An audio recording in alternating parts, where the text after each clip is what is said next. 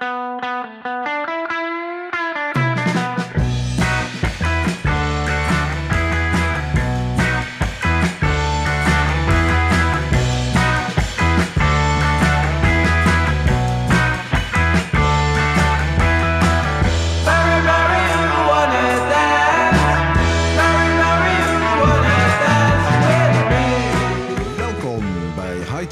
Dirk en Rens, een podcast over cannabis en alles wat met deze wonderbaarlijke plant te maken heeft. Mijn naam is Dirk Bergman.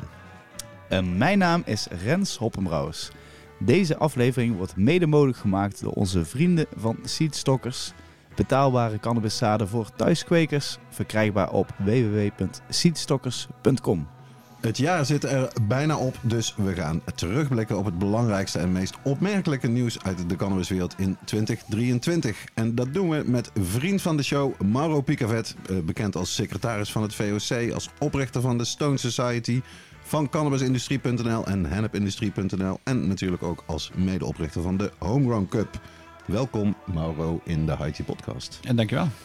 Welkom again eigenlijk. Ja, we, we hebben veel om op terug te blikken. Eh, 2023 was het jaar dat het wiet-experiment eindelijk begon. Het tijdperk Rutte eindelijk eindigde en prins Charles eindelijk koning van Engeland werd. Er kwamen vier Amerikaanse staten met legale recreatieve adult use cannabis bij en één US territory. De Maagdeneilanden namelijk. En op Malta kregen de eerste cannabis social clubs hun vergunning. En in Zwitserland starten verschillende proefprojecten met gereguleerde recreatieve cannabis. Ja, ja. en ehm er was ook eh, slecht nieuws helaas. Eh, zoals het overlijden van Hester Kooistra en de, afsluiting, of, en de sluiting van de Cannabis College in Amsterdam.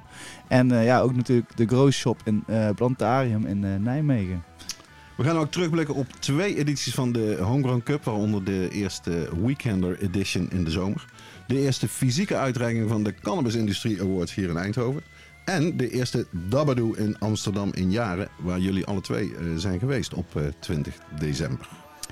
Ja, en, eh, dit keer slaan we de, het eh, nieuwsrubriekje en de High Tea podcast kweekhoekje over. Maar niet onze andere vaste rubrieken, zoals wat zit er in je joint vandaag, de oude doos en reacties van luisteraars. Dit is High Tea met Dirk en Rens, aflevering 83, terugblik op 2023.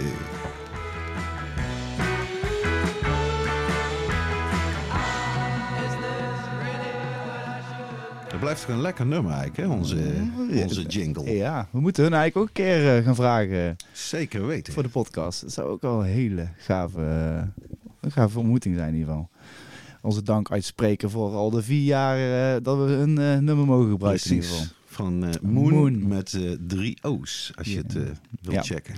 We hebben een speciale kerst- of een eindejaars uitzending. En, maar natuurlijk beginnen we bij het begin. Wat zit er in je joint vandaag?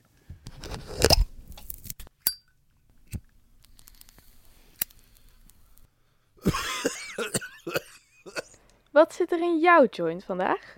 Ja, en eh, zoals altijd beginnen we bij de gast van vandaag. Mauro, wat ben jij lekker aan het roken, verdampen? Eh, wat caviar sour lime buitenwit van eh, Guido. Die, eh, dat was ook zijn entry bij de Homegrown Cup.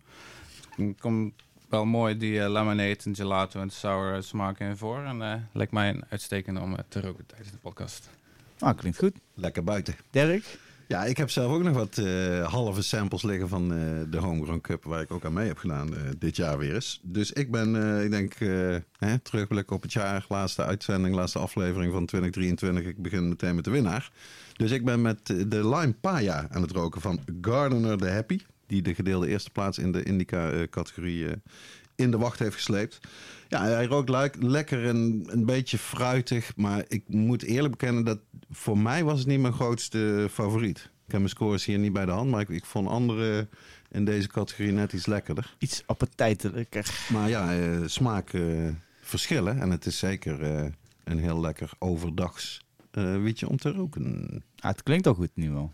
Ja, dat is, een- dat is een goede naam, vind ik. Lime Paya. Ja, alleen Paya. Dat sowieso. En wat zit er in in jouw joint, Eh, ja, nou, ik dacht eh, om het jaar inderdaad goed af te sluiten, heb ik mijn, eh, mijn favoriete hasje meegenomen, eerlijk gezegd. Die ik denk dat ik wel een, het, het lekkerste, bijna een van de lekkerste harssoortjes die ik dit jaar gerookt heb. En het, is, het heet de Runs. Oké. Runs Dry Sift. En ehm, ik moet zeggen, dit, dit is weer de verse, verse hars eigenlijk eh, van een bepaalde groep uit, eh, uit Marokko. Dat zijn vaak eh, Italiaanse groepen samen met Marokkaanse die goede genetica erheen halen. Samen ook de hars maken. maken. En dat krijgt zo'n bepaalde lekkere smaak. Zulke wietsmaak die er ook echt in zit. Mhm. Blokhash is toch eh, vaak de term die wordt gebruikt. Dat is ook, eh, ja, Ja. inderdaad. Dat is, wordt, wordt vaak gebruikt. En eh, ik, ik zeg graag hash 2.0 voor de dry sift. Ja, omdat ja. het echt, ja, het is weer de nieuwe, het is een nieuwe, nieuwe mode wat je ziet. Mhm. Het is heel, En haal je die runs smaak ook eruit of haal je meer algemene wietsmaak eruit? nee, het is echt die runs gelato-achtige smaak die er echt in zit. Ja, dat is, ja. En daarvoor Nice. had ik de GMO en die, die, die is, heeft dat net dat heerlijke gassy, dat, dat stinkerige, dat, eh dat Zitten we gewoon ook in de hash. ja, ja, het zit er echt heel En is die ergens verkrijgbaar of komt hij van de Homegrown Cup of waar komt hij van? eh, hij, is, hij is toevallig, eh, hij is binnenkort verkrijgbaar. Waarschijnlijk als, je hem na, als hij eh, online staat, is hij te verkrijgen bij een koffieshop uit Den Haag. Een bepaalde Een koffieshop bepaalde uit Den Haag. Ik, ik zeg de naam niet, maar eh, ik, ik kan zeggen dat hij van de Dizzy Duck komt. Eh, dus, eh, maar goed, eh, hij is echt eh, waanzinnig lekker. En ehm, ik hoop eh, dat iedereen die deze aflevering luistert ook iets lekkers aan het draaien is of aan het roken is. Of eh, weet ik veel wat. Laat het ons ook vooral weten, want we zijn zeer benieuwd wat jullie allemaal voor lekkernijtjes aan het roken zijn. Exactly. eh, ja. En ook bijvoorbeeld heb je iets bijzonders gekocht of bewaard voor de feestdagen? ja en hoe, voor oudjaar? hoe of- ga je daarmee om? Precies. Ja, ik moet zeggen, ik probeer altijd wel voor, ook net zoals voor oud en nieuw, Ja, toch? toch altijd wel een lekkere dingetje aan de kant te houden. Dat je toch knallend het nieuwe jaar eh, in kan gaan. Met iets kwaliteits Ja, dus... ehm, in je vloeitje. maar we zijn in ieder geval eh, lekker eh, aan het dampen, roken. Ehm, laten we gaan kijken naar de terugblik van 2023. Ja, 2023 was natuurlijk het jaar van de Artificial Intelligence, AI. En van eh, ChatGPT, of zoals sommige mensen zeggen ChatGTP. maar dat klopt dus niet. Eh, helaas ook het jaar van vreselijke oorlogen in Oekraïne en in eh, Gaza. En ook van de monsterzegen van Geert Wilders bij de Tweede Kamerverkiezingen op 22 november. Wat eigenlijk dus pas een maand, een dikke maand geleden is. Lijkt ook alweer veel langer geleden. Eh, om met ChatGPT te beginnen, dat gebruiken jullie alle twee met enige regelmaat, eh, toch, Mauro? Ehm, ja, maar door alleen ChatGPT te noemen, doe je het eigenlijk een beetje te kort. Het is ook eh, BART, die ik af en toe gebruik van Google, maar ook bijvoorbeeld een website ChatPDF. Daar kun je een PDF op uploaden en dan kun je met die PDF praten. En dan kun je bijvoorbeeld ook vragen van wat staat erin. Kun je mij een samenvatting geven van de belangrijkste punten. Dat is zeker ook handig met, met buitenlandse politieke documenten of zo. Dat je Ja. toch ja, z- zoveel mogelijk informatie uit probeert te, te krijgen zonder dat je eh, ja, op zoek moet naar een vertaler. En zijn het dan dingen die je altijd wel daarna zelf controleert van staat dat er ook echt? Of vertrouw je er gewoon op dat dat, dat wel goed is? Ja, je moet, ik heb geleerd dat je alles wel even moet dubbelchecken. Ja, ja.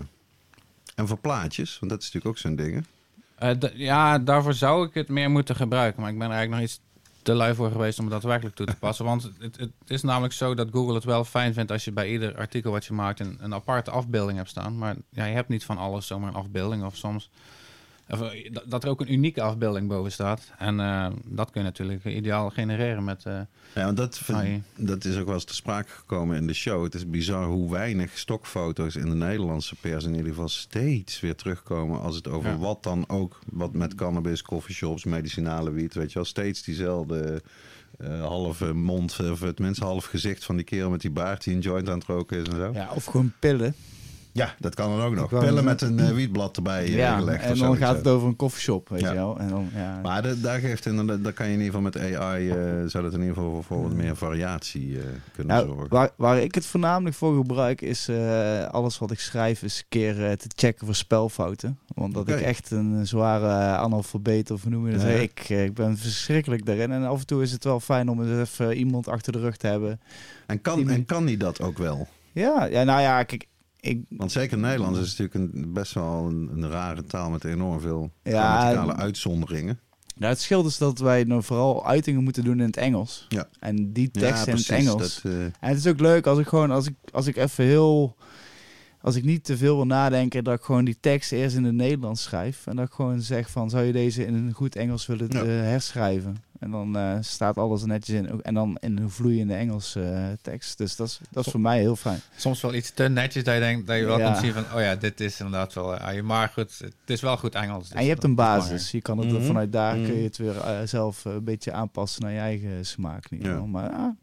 En inderdaad, ja, kijk, als grafisch vormgever eh, zie ik het ook wel eh, een enorme toekomst in dit. Zoals je hoeft geen bijna geen plaatjes meer daar zelf te maken. Je, je vult je fantasie in en uiteindelijk vormt zich een eh, plaatje. Weet je. Mhm. Dus, eh, Ja, de vraag is dan natuurlijk wel een beetje, maar eh, zoals jullie alle twee weten, ben ik erg sceptisch hierover, of in ieder geval kritisch, laat ik het zo zeggen. Dat wat, wa- van wat je te zien krijgt, wat bestaat nog echt op de wereld inderdaad. Wat, als we tien jaar verder zijn en er worden nauwelijks meer echte foto's gemaakt, zijn we dan in een fijne situatie dat je het eigenlijk nooit meer weet als je ergens een foto ziet van een plek of van iets, of het wel ooit bestaan heeft, ja of nee. Of dat het gewoon maar gegenereerd is. Nou, ik, ik gebruik het ook veel als toevoeging. Hè. Het is niet dat het alles gewoon 100% eh Mhm. vervangt. Nee, maar het is, al, het is wel handig om voor inderdaad die bepaalde stokfootage, eh, zoals je zegt, eh, te- door te laten genereren. Het is niet Nee. zo dat je eraan, eraan vraagt om een... ehm, ja, als je een, een foto van een coffeeshop daadwerkelijk, ja, die zult je nog steeds zelf moeten maken. Ja. Nou ja, dat is dan een beetje de vraag. Want je kan natuurlijk ook gewoon ergens invoeren van... geef mij een foto van een Nederlandse wietcoffeeshop... Ehm, waar meerdere gaat- mensen wiet aan het roken zijn... en een leuk meisje aan de zijkant aan de bar zit. In- dan in de- heb je een in- plaatje, toch? In de stijl van Vincent van Gogh. Nou, nou, niet Dat eens kan. fotorealistische stijl... zodat mensen Dat denken... ook. oh, naar die coffeeshop wil ik toe. Ja, ik heb het, Sponsored by de Bulldog. maar ja, dat, dat- als je daar komt, ziet het er totaal anders uit. Maar ja, dat is... De, ik, ik heb het wel een paar keer geprobeerd om bijvoorbeeld ook een, een CBD-winkel zeg maar, voor mij te genereren. Maar het resultaat waren nog niet zo heel dun. Maar de technologie gaat natuurlijk ook wel sneller. En je moet gewoon ook leren wat moet je eraan vragen. Wat moet je er tegen... nou, ik stel voor, eh, dat is dan jullie huiswerk eh, voor het komende jaar. Ik doe niet aan huiswerk. Doe, eh, laat een mooie beeld maken van eh, hoe de IT podcast, eh, hoe dat eruit ziet als die eh, wordt opgenomen. Ben benieuwd. eh. Ja, je moet gewoon een, je moet zo'n komt. abonnementje nemen hè, voor plaatjes. Nou, eigenlijk, eigenlijk, een van de beste voor plaatjes is Midjourney. Maar ik heb er wel al een soort van account aan gemaakt. Maar het is allemaal nog in beta. En, maar het zou het eens kunnen onderzoeken. Ja. Via Twitter krijg ik heel veel reclames voor eentje die dan laat zien eh, de prompt, zeg maar. En dan het eh, resultaat van de foto. En dan moet ik inderdaad zeggen, zeker van mensen, dat is best wel scary hoor. Je ziet gewoon zeer aantrekkelijke, levensechte mensen die dus niet... Niet echt, staan. ja, ik zie ze ook voorbij. Man. Maar in ieder geval, genoeg over eh, chat Ja. GPT. Want ja, het is in ieder geval leuk. Ik zie het gewoon als een stagiaire die ik eh, af en toe Ja. kan raadplegen. Zeker. Ja. Maar eh, we gaan eigenlijk eh, over naar het grootste cannabis nieuws eh, van 2023. Want dit was het start van het wiet-experiment. Ik denk dat we daar eh, met z'n Ja, allen eh, wel ja, over kunnen Het jaar van de start is Precies, 2023. precies.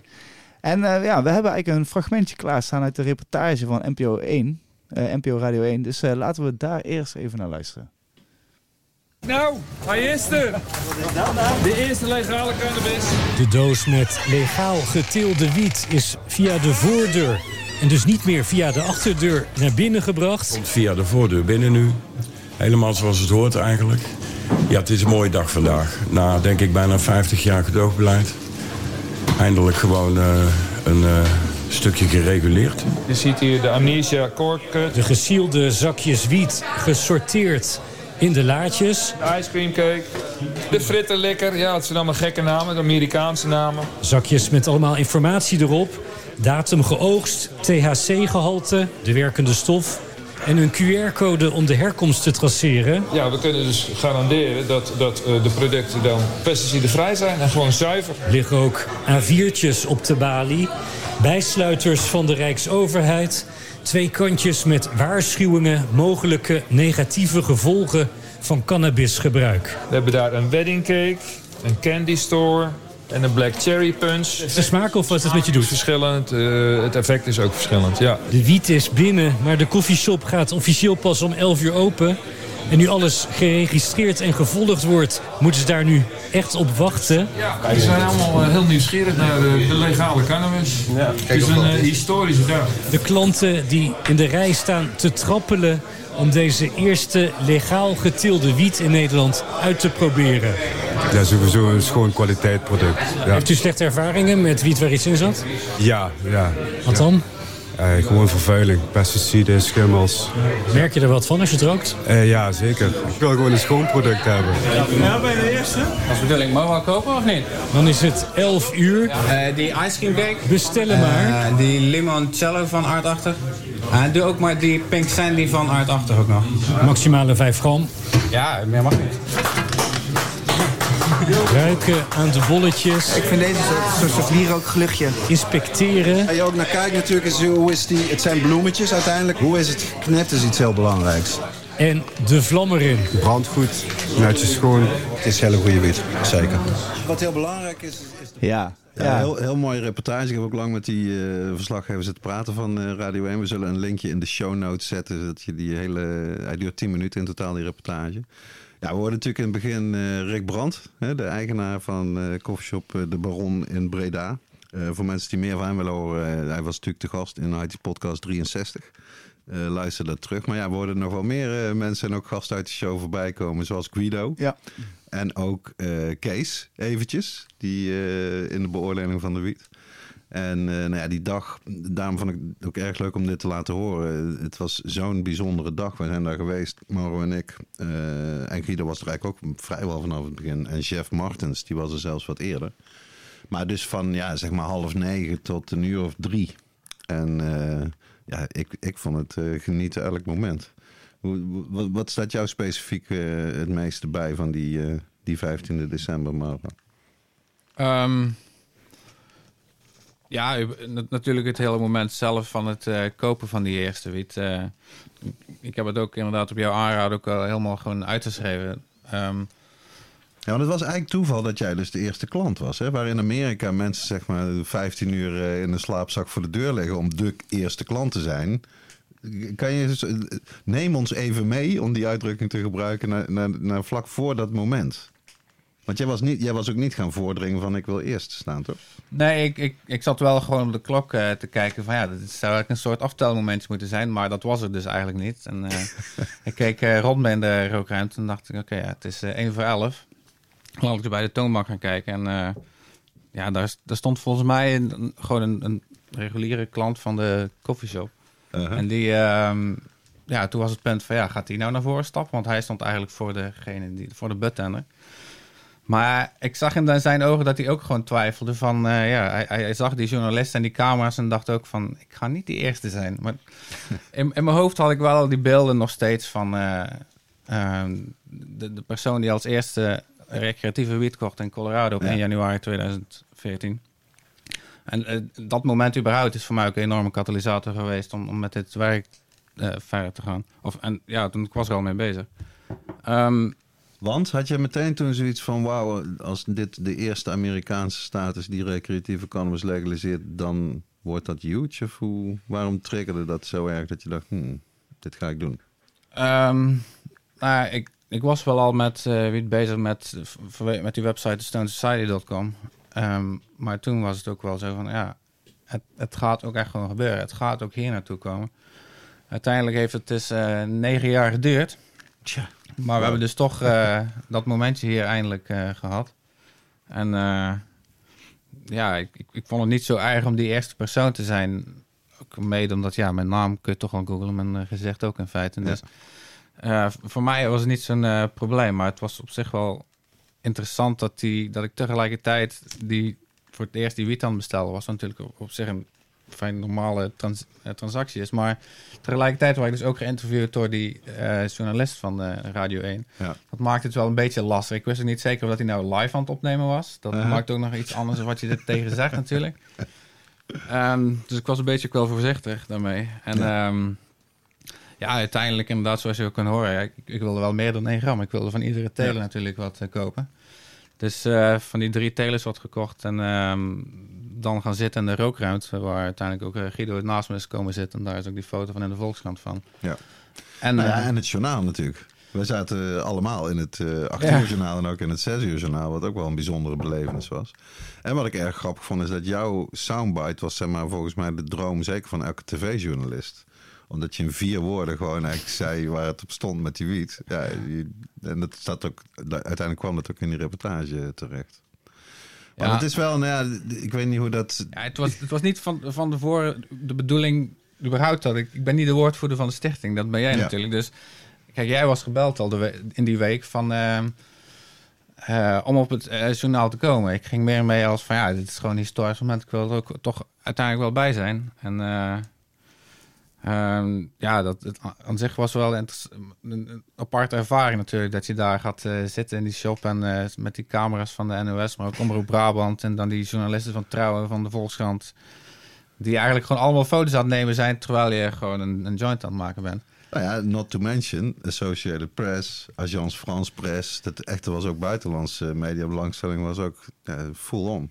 Ja, maar van dat specifieke moment dat we daar echt de eerste joint ook zaten roken, dat was wel met die eh, journalist. En natuurlijk, Mm. ze willen constant foto's. En ik weet op een gegeven moment ook wel wat ze willen. Ze moeten ook wel op een gegeven moment ook een beetje geven wat ze willen. En Ze willen dat je die joint rookt, dat je, dat je ruikt aan een zakje of weet ik. Allemaal die, Ja. die dingen, dat, dat snap ik ook wel. Dat hebben ze ook wel gegeven. En, eh, ehm, Dus we zitten Ja. hier wel dus met degene die de eerste legale cannabis heeft gerookt eh, in Nederland. Aan tafel. Ja, of eh, gekocht. Nou, wat, wat weer zo grappig is, je kan je dat afvragen, want de baron gaat open Ja. om 11 uur. Maar er zijn ook wel een aantal shops die gaan open om 10 uur. Maar om het nog ingewikkelder te maken, zeker niet alle shops deden meteen mee. Weer wel in Breda, hoewel we dat ook niet gecontroleerd hebben. Ik weet het ook nog steeds niet zeker of het echt zo is. En in Tilburg waren het er zes van de elf. Dus wie nou letterlijk het allereerste zakje... Maar dat hoort ook gewoon bij cannabis, toch? Het is ongrijpbaar. Dus wie nou echt het allereerste zakje heeft Ja. gekocht... dat weet volgens mij niemand. wat, wat, wat wel ook Maar die, gaan wel duidelijk de geschiedenis in. Dat is duidelijk. Ja, eh, het, het- was natuurlijk ook sowieso wel... eh zoals ik net ook zei, van, je, je wilt ze ook wel geven wat ze willen. Maar ja, je, je bent uiteindelijk die, die is een, een joint aan het roken... en ook aan, aan het delen uiteindelijk met Guido. Maar ja, als je puur rookt, rook je hem ook niet zomaar meer in één keer op. Maar ja, ze wilden wel Ja. dat je bleef roken, dat, je, dat, dat is iets mee konden, zeg maar. Dus uiteindelijk, en met alle, alles eromheen... eh, ja, dat maakt ook wel voor een eh, interessante reis in mijn hoofd, zeg maar. Was het wat jullie verwachten? Hoe was jullie... hoe- wat vond je er zelf persoonlijk van? Ehm, ja, op zich de verwachtingen met wat je al eh, had kunnen zien op de Instagram-pagina van Vita waren eigenlijk best hoog. Want je ziet en dat het bekende stekken zijn of bekende soortjes. En eh, als je die onder de goede omstandigheden kweekt, dan moet er een mooi product uitkomen. Dus ehm, zeker hun hebben die verwachtingen. Nou, ik, ik, heb, ik heb eigenlijk nog niet eens zo heel erg veel gerookt. Ik heb eigenlijk alleen nog maar de ice cream cake gerookt van eh, Vita en de de RS11 van Art 8. Die RS11 was ook de eerste die ik had gerookt en ook toen op eh journaal en zo. Dan heb ik dus wel het idee dat je ook van wat er in ieder geval bij de baron te krijgen was... van de drie telers die nu al leveren... eh, echt ook een beetje het beste hebt eh, uitgekozen. Want ik heb iets meer gerookt en ik vond die er toch wel weer bovenuit steken, zeg maar. Hoewel ik ook weer moet zeggen, ik heb zelf ook die fritter lekker. Die heb ik zelf ook eh, besteld en die heeft Guido ook besteld. En hij zei tegen mij er wel van, die, die klapte er wel meteen op. Zelfs bij hem als buitengewoon ervaren roker. En ik, nou ja, ik moet zeggen, ik heb die, bijvoorbeeld die Amnesia Core Cut van Vita ook wel gerookt. En dat vond ik wel weer erg grappig. Dat heeft de, verder helemaal ge- geen media gehaald. Maar op, op de hoek zeg maar, van het tafeltje waar wij zaten, waar al die, al die media frenzy was, zaten dus twee vaste klanten van de Baron. Man en een vrouw, ik denk toch een soort stel. Ja, die, die waren gewoon super cynisch gewoon. Niet Ja. alleen sceptisch, die waren gewoon cynisch. Ja. Die hadden ook gewoon daar zoiets van... Nou, we hebben gewoon eh, illegale wiet, eh, die hebben wij gekocht, verboden wiet. En die verslaggever van Radio 1, die we net hoorden ook in het fragment... die ging zo een beetje in die shop rond bij iedereen. Ja, gewoon quotejes verzamelen. Wat vind je van die gereguleerde wiet? Dus zij zei ook tegen die kerel van... Ja, eh, die rook, daar rook ik niet. Ik rook gewoon die verboden wiet die ik altijd rook. En die man zei meteen, oh, nou ja, sorry dat ik u dan heb lastiggevallen. En ging meteen iemand anders. Waarop zij echt zoiets had van, waarom is dat niet interessant? Dat is hier eh, NOS-journaal zeker, weet je? Alleen maar mensen die ik hier nog nooit heb gezien... en die komen dan op televisie om te vertellen hoe goed die wiet is. Maar eh, hier, dit is echte wiet, dit is echte wiet. Dat zei dus de amnesia die gewoon op de kaart staat. En dan moet ik wel zeggen, ik weet niet of dat de versheid was of waar het precies aan lag. Ja, die rook inderdaad toch echt wel, ook wel wat sterker en turpier dan de, dan de Vita-versie. En dat blijft wel een interessant ding. En wat ik ook bij het journaal eh, heb uitgelegd. Voor mij was eigenlijk de prijs, eh, daar was ik nieuwsgieriger naar dan de kwaliteit. Want inderdaad, de kwaliteit verwacht ik wel dat het een best hoge standaard zou zijn. En dat, dat, het, dat die prijzen zo laag zijn, ja, dat, dat vond ik echt wel goed nieuws. Bijna al die soorten waren 10. En ik geloof max 11 bij de Baron. En bij de andere shops waar wij zijn geweest, of waar ik zelf ook ben geweest, was het max 12 per. Nou, als je het dan inderdaad hebt over goede ice cream cake, dat soort strains voor 10, 11 euro de gram. Ja, die, eh, dat ben ik niet gewend. Zo'n lage prijzen, zeg maar. Ja, ja, ja. Dus dat is toch, ja, was allemaal eh, erg positief.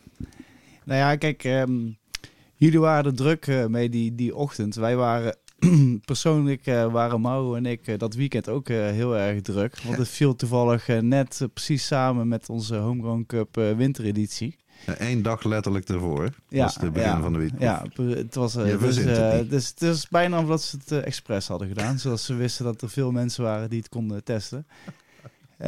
Maar ik ben dus inderdaad die vrijdagmiddag, toen ik heel even een uurtje had, ben ik snel op en neer naar de Gres Company Uh-huh. gefietst. Spoorlaan.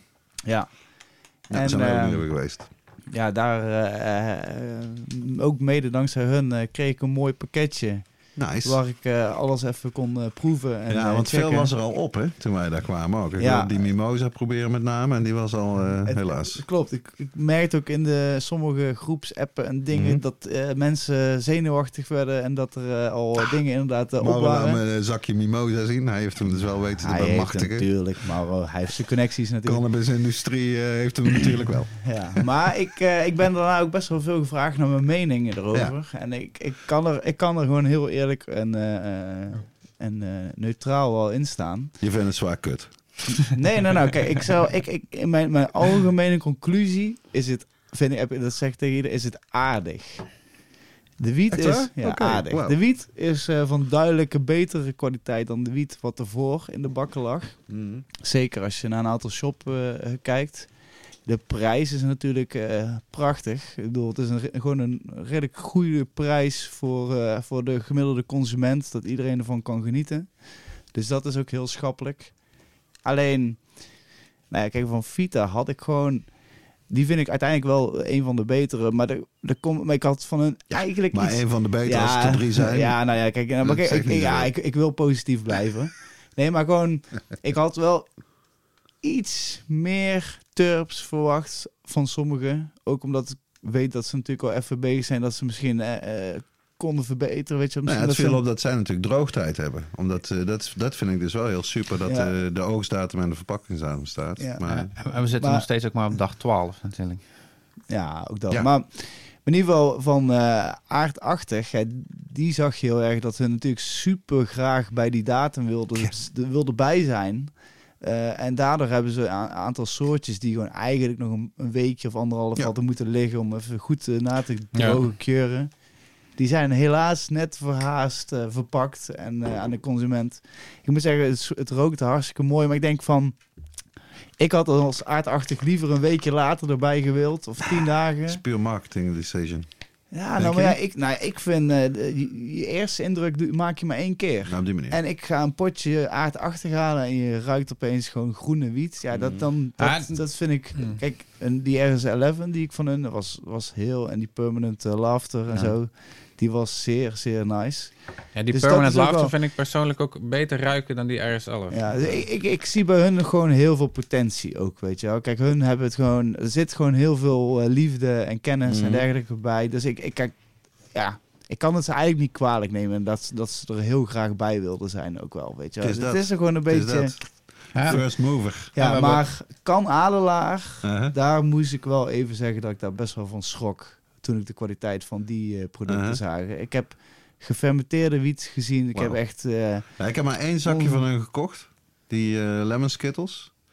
En die, die vond ik ook, ja, het is echt mits, zeg maar, of onder mits. Die gelukkig niet wat je zegt dat het echt gefermenteerd was, dat zeker niet. Maar ja, ik, ik werd er ook niet blij van in ieder geval. Nee. Maar dat is dus een hele kleine steekproef voor mij, een Ja. soortje. ja, nee, ja, kijk, het is inderdaad de eerste indruk die ik ervan krijg. En Ja, om het een beetje te nuanceren. Ik, ik, ik heb alleen die wedding... Ik had eerst die wedding cake van gekocht, maar die, die viel inderdaad van zicht en ruiken viel die wat tegen. Het rook wel een beetje naar, echt naar een wedding cake. Ik heb hem niet gerookt nog steeds. Maar die Black Cherry Punch zag er dan wel wat beter uit. En rook ook wel wat beter, maar ook nog niet gerookt. En ik heb nou ook die, die twee eh, verschillende soorten hash die ze dus hebben Ja.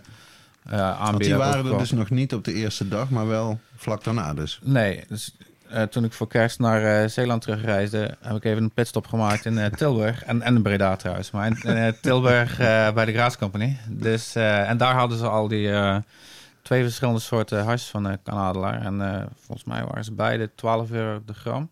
Aha. Ehm, en ja, dat het- vind ik dan weer relatief naar de prijs van andere buitenlandse hash aan de dure kant. Want dat is echt, die prijzen zijn gezakt, heb ik het idee de afgelopen jaren. Ja, Zodat maar- je voor 8 à 9 euro... super, eh, nee, dat vind ik totaal Nee? niet. Nee, ik bedoel, eh, je kan niet concurreren tegen de Marokkaanse zon, land Mhm. en arbeids Ja, gratis en dingen. Ja, bedoel, Nou ja, dat hebben ze notabene wel met die eerste batch natuurlijk. ja, maar het is veel kleinschaliger Ja. natuurlijk. Het is, en ik, ik heb ook eentje van... Ja, maar die, ik denk eh, meer als de consument. Hè? Ik denk niet als degene die zeg maar, de spreadsheet maakt met... eh, als jij gewend bent om goede Marok te kunnen kopen voor 8 euro... en je krijgt nou dit voor 12, dat is dus anders dan met die wiet. Als jij gewend bent om echt gemiddelde of relatief slechte wiet te kopen voor, voor 11 of 12 of 13...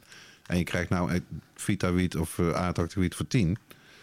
da- dan eh, haalt dat je over qua prijs, denk ik. Ja, ik, ik, ik vind, eh, en ik, is de laatste kritische noot wat ik wil zeggen. Ik vind eh, de, twee dingen waar ik gewoon mijn vraagtekens bij heb, is bijvoorbeeld bij hun testresultaten bij Kan Adelaar. Die zijn allemaal dik boven de, of rond de 25% allemaal. Terwijl de rest van de deelnemers zit gewoon sommige 12, vond het ook sommige, opvallend. sommige 15, de ene daar best wel. Voor de wiet hebben we het Ja, dan over. hè? ja, leek Ja. dat ze het heel erg eh, dat de ene het, de gemiddelde score pakt van de labracesultaat en de andere het hoogste resultaat of zo. Dat, dat, dat Nou ja, vond ik dat- ook- En nog één ding, Ja, ja. sorry voor dat ik eh, dat eh, ja, als jij Marokkaanse hars wil gaan maken in, in Nederland in een kas, vind ik eigenlijk een beetje een raar eh, richtpunt, weet je wel.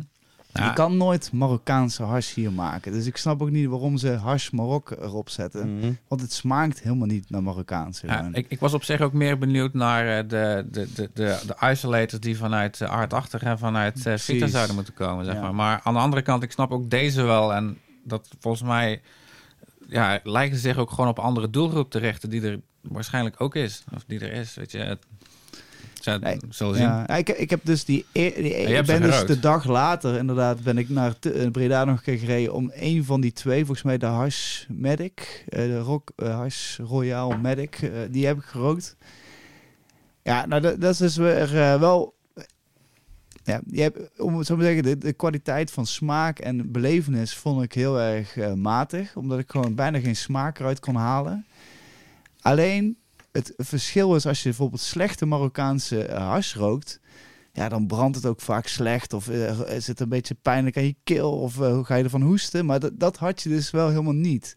Je proeft dat het gewoon van zuiver, Zuiver. Ja, het is echt dat, dat wel. Dus Ja. ik kon het, ik dacht wel van, nou ja, het proeft wel gewoon heel veilig. Zo, zo dat gevoel had ik er, had ik er een Nou beetje ja, bij. want wat ik me afvraag, heeft dit ook niet te maken met productietijd? Wat we weten, zeg maar ook van eh, met name Afghaanse hash, dat zeg maar de pollen, de kief, de af, wat er afgezeefd wordt, echt lang, relatief lang wordt bewaard Ja, voordat het wordt geperst. Dus ik denk dat eh, als daar ook meer eh, tijd is geweest om te experimenteren, hoe je dat in Nederland kan nabootsen of op een andersoortige manier kan doen, dat die resultaten beter worden. Maar ik, ik denk, je kan nu wel al voorspellen dat het echt ingewikkelder is om te concurreren met hash dan, dan om te concurreren met wiet. Zeker. Ja. Ja, ik moet zeggen, die andere, die, ik heb hem nog niet geproefd, maar hij ruikt wel beter dan die andere. Mm. Dat zou ik eerder bekennen. De reden dat ik ze trouwens ook nog niet allemaal heb geprobeerd, wat op zich ook voor de hand lag natuurlijk om het gelijk te doen, is eh, omdat ik weer wat informatie wil inzamelen. Ik wil eigenlijk van allemaal eerst een goede foto ook nog nemen en dan pas Ja, de rest van de data verzamelen. Zoals wat ik Dat heb ik met de meeste ook wel gedaan, ja, voordat ik het oprookte. Maar inmiddels eh, zijn mijn zakjes wel leeg eh, en mijn potjes van de gereguleerde. Nou ja, ik ben ook wel heel erg eh, benieuwd hoe, hoe- wat, het, wat het effect geeft eigenlijk ook dat sommige eh, zaken en sommige winkels die eigenlijk nooit eigenlijk leuke producten hadden, nu Ja. opeens gewoon legale ca- cannabis kunnen inkopen. Want ik, ik woon dan dichtbij een koffieshop eh, genaamd De Crackers. En eh, ze doen eigenlijk alles al jaren hun best om ook echt hun naam achterna te jagen, weet je wel. Dus het ziet er niet uit. Het lijkt echt of dat ze echt. Ze doen echt hun best om geen klanten te krijgen. Is dat in de Koestraat? Nee, die is op de Bredaarse weg. Oké. Eh, en, Volgens en- mij is namelijk de Crackers de koffieshop waar ooit eh, Joop Mestrom, die wij eh, in de laatste IT-podcast live at High Times eh, als gast hebben, daar heeft hij volgens mij is hij begonnen. Heeft hij daar gewerkt boven Crackers. Kunnen we hem navragen Ja, als, we, ja. als we hem te gast hebben.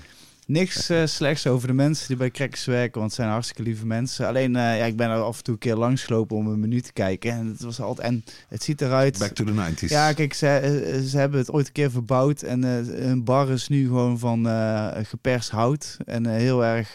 het lijkt of dat het in verbouwing is. Dat ze heel- iets heel moois aan het maken zijn. Maar het is een, Maar dat is het. dat is een definitieve meubilair. Ja, en opeens kreeg ik dus een berichtje van een maat van mij. Die, die stuurde dat er daar eh, opeens allemaal soortjes van Vita lagen. Die dus helemaal niet in Breda of bij de Cres lagen. Ja, dat is volgens mij toch het verhaal. Dat ze ook met elkaar een beetje hebben afgestemd van luister, niet allemaal hetzelfde, zodat we nog een beetje onderscheidend ook kunnen zijn. Ja. En het was echt voor de eerste keer dus dat, een, dat ik gewoon, dat iemand gewoon, of dat ik, ik ben dus zelf ook eens naar die crackers gelopen om eens een van die soortjes ook te halen. En ik was inderdaad verbazend, verbazingwekkend was het gewoon inderdaad. Ja, kon ik gewoon iemand veilig naar deze koffieshop sturen, weet je wel, zonder dat, eh, dat, dat ik wist van, oh, hij gaat waarschijnlijk eh genaaid worden, weet je wel. Ja. Maar ehm, Ja.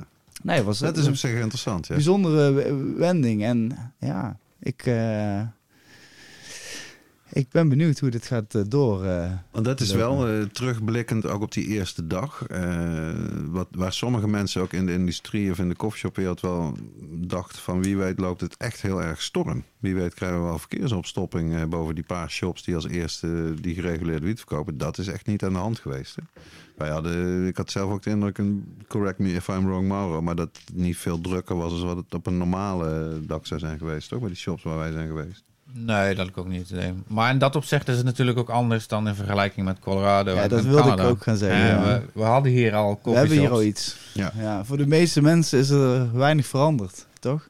Sommigen Ja, denken dat het al, altijd al Dat gelegaliseerd klopt, was. dat klopt, ja. Nou ja, daar heb ik nog een aardige Twitter-discussie over gehad. Want dat is ook zo interessant met deze wiet. Hoe noem je nou deze wiet? Meerdere journalisten hebben het ook over... en ook gewoon coffeeshop mensen hebben het over legale wiet. Eh, dat klopt dus niet. Letterlijk op die dag, de, de 15e december, de kick-off dag... was dus onze minister van WWS Ernst Kuiper, ter, Kuipers ter plekke... om die eerste doos te scannen en heel veel interviews te geven... aan al die journalisten die daar waren. Maar hij zei ook toen een journalist van de Volkskrant over legale cannabis had, zei hij nou, wij zeggen zelf niet legale cannabis, wij zeggen gereguleerde cannabis, want dit is nog steeds, net zoals de verkoop in de Ja, wel. gedoogd. Het is Ja. niet legaal. Dus toen Vice een vrij groot artikel had, waarin Mauro ook eh, wordt geciteerd uit, een, eh, uit dat artikel wat hij voor cannabisindustrie heeft gemaakt over die eerste aankoop, stond daar ook, dat, dat was de hele invalshoek. Zo van, oh jij dacht dat wiet legaal was in Nederland, dat is nu pas. Maar nee, dat is dus nu nog, steeds, niet. Nee, nee, nee. Dus we kregen een aardige discussie met eh, de schrijver van dat artikel en met Steve Rolls van Transform Drugs, die ook geïnterviewd was voor het stuk. Ja, eh, je kan zeggen dat dat te ingewikkeld is voor de gemiddelde lezer of weet ik veel. Maar het is du- dus juist wel belangrijk. Want je ziet in Duitsland dat ze daar ook niet full on legaliseren, maar beginnen met proefprojecten zoals wij. Dat maakt het extra relevant dat wij niet toch het lef hebben gehad om te zeggen, boem, we gaan nou gewoon legaliseren, punt uit. Ja, ja. Dus dat eh, is even het politieke kanttekeningetje bij deze heugelijke ontwikkeling. Maar ja, ik wil ook alle luisteraars vragen: van, eh, ben jij al langs de shop geweest om legale of eh, ge- gereguleerde Ja, wiet leuk, eh, te ja. halen? Wat, vond- wat was jouw ervaring? En eh, laat het ons weten. Ik ben benieuwd. Misschien En ook de als je zeg maar zoiets hebt van ik ga never die gereguleerde wiet kopen, fuck de staatswiet. Laat dat ook vooral weten waarom je dat denkt en hoe dat allemaal zit. Ja, zeker. En ik, we gaan hopelijk ook in de aflevering in de toekomst een aantal mensen van het wiet-experiment ook uitnodigen. Jazeker. Ja, dat lijkt me ons heel leuk al. Meet the Taylors. Exactly. That's what we're gonna do. Ja, en dan het eh, volgende nieuwtje. eh, en die wil ik heel kort maar behandelen, eerlijk gezegd. Omdat ik eigenlijk geen politieke uitzending wil maken. Maar inderdaad, de PVV heeft dit, eh, deze eh, verkiezingen vet hard gewonnen. En, en wij van het VOC ook hielden ons hart een beetje vast. Omdat we weten natuurlijk dat Geert Wilders een, niet echt de grootste liefhebber is van de cannabis en de coffeeshops. En misschien Nou, drugs in totaal. Maar, Je zag ook dat eh, in al die buitenlandse artikelen over de start van de wietproef werd dat steeds genoemd. Dat nu Wilders de verkiezing heeft gewonnen en er misschien een kabinet Wilders komt, dat dat voor de wietproef wel eens een eh, groot probleem zou kunnen zijn. Die vraag is mij ook gesteld door die buitenlandse journalisten in, eh, bij de bron. Ik denk dus eerlijk gezegd dat dat niet gaat gebeuren. Al is het alleen omdat ze kunnen verwachten dat er dan heel veel dikke schadeclaims gaan komen natuurlijk van de telers die, die zijn aangewezen. En het is ook voor Geert Wilders gewoon een niche onderwerp. Zoals dat helaas voor alle andere politici ook geldt. Dat dit niet hun top of mind eh, priority is. En het is toch al vastgelegd in een wet, toch? Ja. maar ja, zoals ze weten met Wilders. eh, hij kan van alles in de ijskast zetten. Maar hij kan natuurlijk ook zeggen, ja, maar dit niet. En eh, zeker als je over rechts zou gaan. De christelijke partijen, die, die, die zijn natuurlijk wel klaar om te zeggen... ja, weg met die, met die wietproef. Maar dat is weer zo mooi. De christelijke partij stelt in dit land gelukkig bijna niks meer voor. eh, als je het hebt over zetels in de Tweede en Eerste Kamer. Dus ik denk dat het zo'n vaart niet zal lopen. En we moeten maar eens kijken. Het blijft interessant dat Wilders zelf... je hoort hem zelden of nooit iets zeggen over cannabis. Ik denk ook dat het moeilijker is om eh, de discussie te hebben met, eh, met christelijke partijen dan het is met, met de rest van de rechtspartijen, zeg maar. Hmm, ja, bij hen is het eh, letterlijk een geloofsartikel. Maar ik denk dat ook die. Er is wel degelijk kans dat, dat ze iets. dat invloed kunnen hebben op het experiment. Maar de vraag is ook natuurlijk eerder hoe groot is die kans? En daarvan denk ik dat die Maar kans hoe, klein is. hoe, hoe zie je dat voor je? Dat ze het proberen te stoppen? Of dat ze zeggen we gaan het alleen maar in Tilburg en Breda doen? Of... Nou, er, er komt een evaluatie aan natuurlijk. eh, Mhm. Over eh, die als er inderdaad daadwerkelijk, want het is er nog steeds niet, een, een kabinet komt. eh, dan. Nou ja, nog steeds niet. Kom, we zitten een maand na de verkiezingen. ja. Ze mogen wel even de tijd hebben om het in elkaar te timmeren. Nee, uiteraard. maar ja, er is ook nog niet echt zicht op iets. Nee. Dat bedoel ik meer. Ja. Nee, het, het zou mij niet verbazen eerlijk gezegd als we een jaar lang eh, in, een, in een soort padstelling blijven zitten nou. En dat het uiteindelijk... eh, Dat is voor de, op zich voor het experiment denk ik goed. Ja, dat denk ik ook. Dan, dan blijven die dingen gewoon netjes doorlopen. Komen die gemeenten erbij. Want dat is natuurlijk... eh, dit is terugblik 2023, maar vooruitblik 2024 is natuurlijk dat er dadelijk steeds meer steden, als het goed is, online gaan komen. Ja, eigenlijk zou het dus juni 2024 moeten zijn. Volgens het tijdschema van de, van de overheid zelf. Want eh, daar zit jij natuurlijk bovenop hè, met, met cannabisindustrie.nl. eh, al die artikelen over, over precies met wiet experiment, experiment. Maar is het ook het idee dat dus in juni al die andere acht tegelijk erbij komen? Of kan het wel zeg maar organisch? Volgens mij wel. Nou, de enige die, die, dat concreet recent heeft gezegd was een woordvoerder van de gemeente in Arnhem. En eh, ze hadden, er was een krant die dat ergens had gevraagd. Ehm, maar ze hadden het ook bij een andere gemeente gevraagd. Die kon er nog niet zo'n eh, concrete eh, datum van noemen. Maar volgens mij gaat het niet gefaseerd.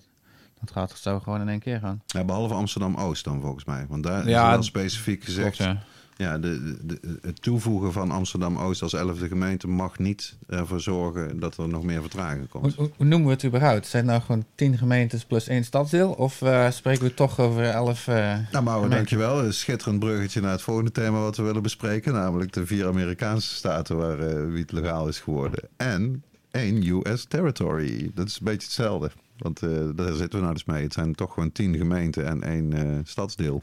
Ja. Het is niet anders. Het zijn echt niet elf gemeenten. Want er zitten dus maar elf van de pakweg 160 coffeeshops in Amsterdam zitten in Amsterdam-Oost.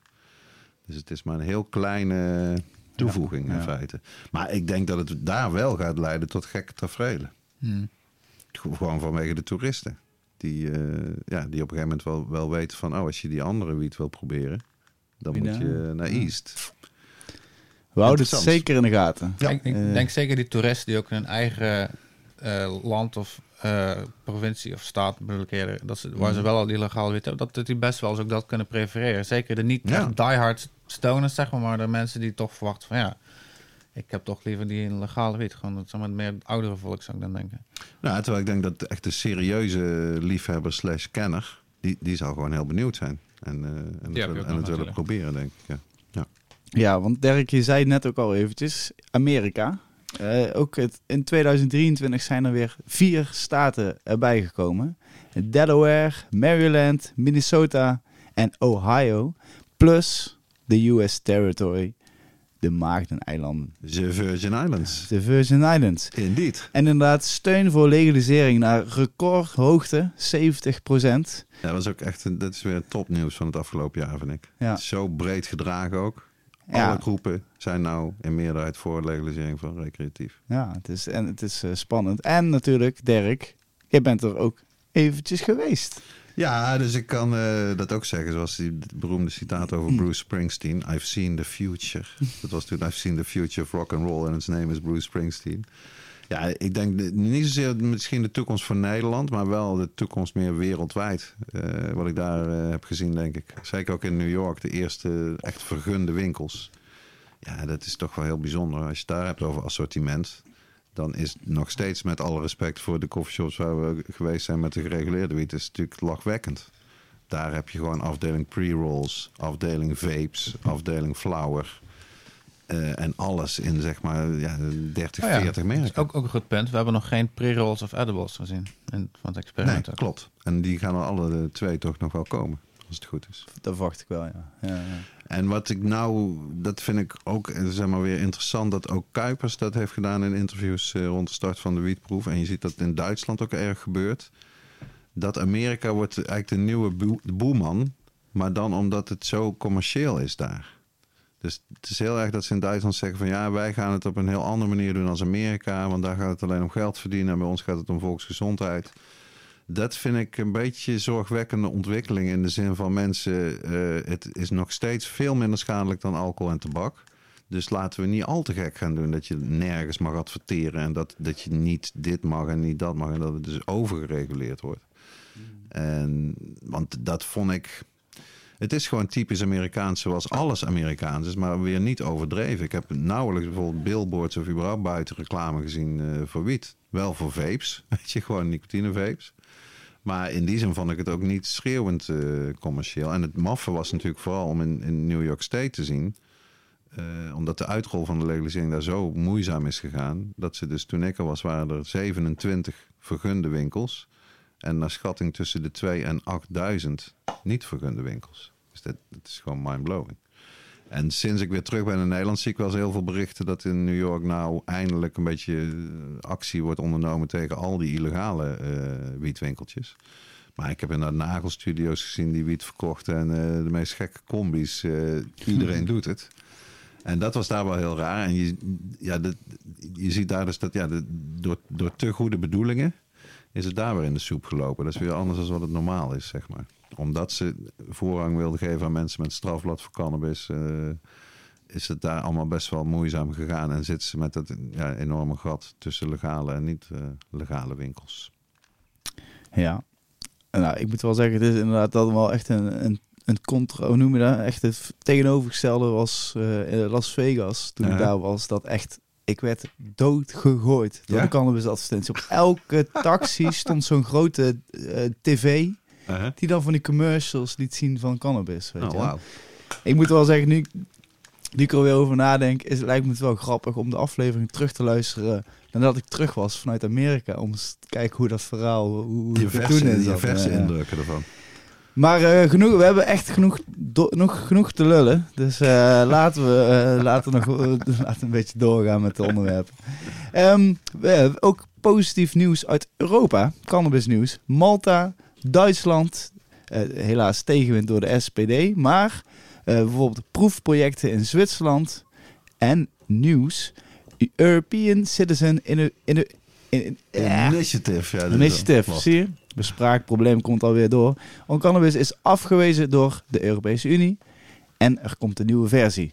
Ja, dit is een beetje het is al een langdurig eh, verhaal waarbij ik vanaf het begin betrokken ben namens het VOC. Dat zijn een Italiaans, eh, Italiaans eh, ja, hoe kan ik het eigenlijk noemen? Toch ook een NGO. EU-mans, Humans, zo spel je het dan. Die dus zo'n Citizens Initiative waar je handtekeningen voor op gaat halen in heel de Europese Unie, zodat het dan echt besproken moet worden door de Europese Commissie. En nou dat heeft heel wat voet in de aarde gehad voordat er dan eindelijk een tekst was waar iedereen het over eens was. En je moet dan zes landen hebben eh, die dat officieel indienen. En uit zes landen moet dan zeg maar, handtekeningen op worden gehaald voordat het officieel kan beginnen. Dat stond allemaal gereed. En toen heeft dus eh, de Europese Commissie gezegd van ja, dit is niet onze competentie. Als je het zo op deze manier formuleert, daar gaan wij helemaal niet over. Dus dit kunnen wij niet eens toelaten. Dan, kan je, dan mag je er niet eens handtekeningen voor gaan ophalen. Dus inmiddels is er een alternatieve tekst die dan het net anders formuleert, zodat ze er misschien wel over gaan. En ja, het is. Ik, ik heb zoiets. Juist omdat er in veel landen iets gebeurt, denk ik nog steeds dat het de moeite waard is dat zoiets in de publiciteit, al is het alleen maar voor de publiciteit komt, hè, dat er Europa breed vanuit gewone mensen, gewoon burgers en consumenten, een, actie komt van schiet nou eens op met die legalisering, weet je wel. Hou eens op met mensen op te pakken voor, voor wiet. Het is 2024. Dus nou ja, ik blijf me in die zin daarvoor inzetten dat ik mee blijf zoomen met die vergaderingen en, en input probeer te leveren. En ook Nederland is dan een van die zes landen eh, die als eerste de handtekeningen gaan verzamelen om eh, op weg te gaan naar die 1 miljoen. Want dat is dan uiteindelijk eh, het doel om 1 miljoen handtekeningen daarvoor bij elkaar te verzamelen. Oké. Dus dat komt eraan, dat mag ik toch hopen, ergens in 2024. Ja, laten we het hopen. En inderdaad, de proefprojecten van Zwitserland, zijn, zie je daar positieve dingen eh, uitkomen? Maar het interessante is wel, dat is toch echt heel anders dan de manier waarop wij het doen hier met de wietproef.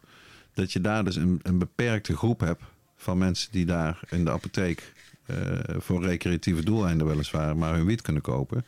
En dat zijn niet zo'n grote aantallen toch, Mauro?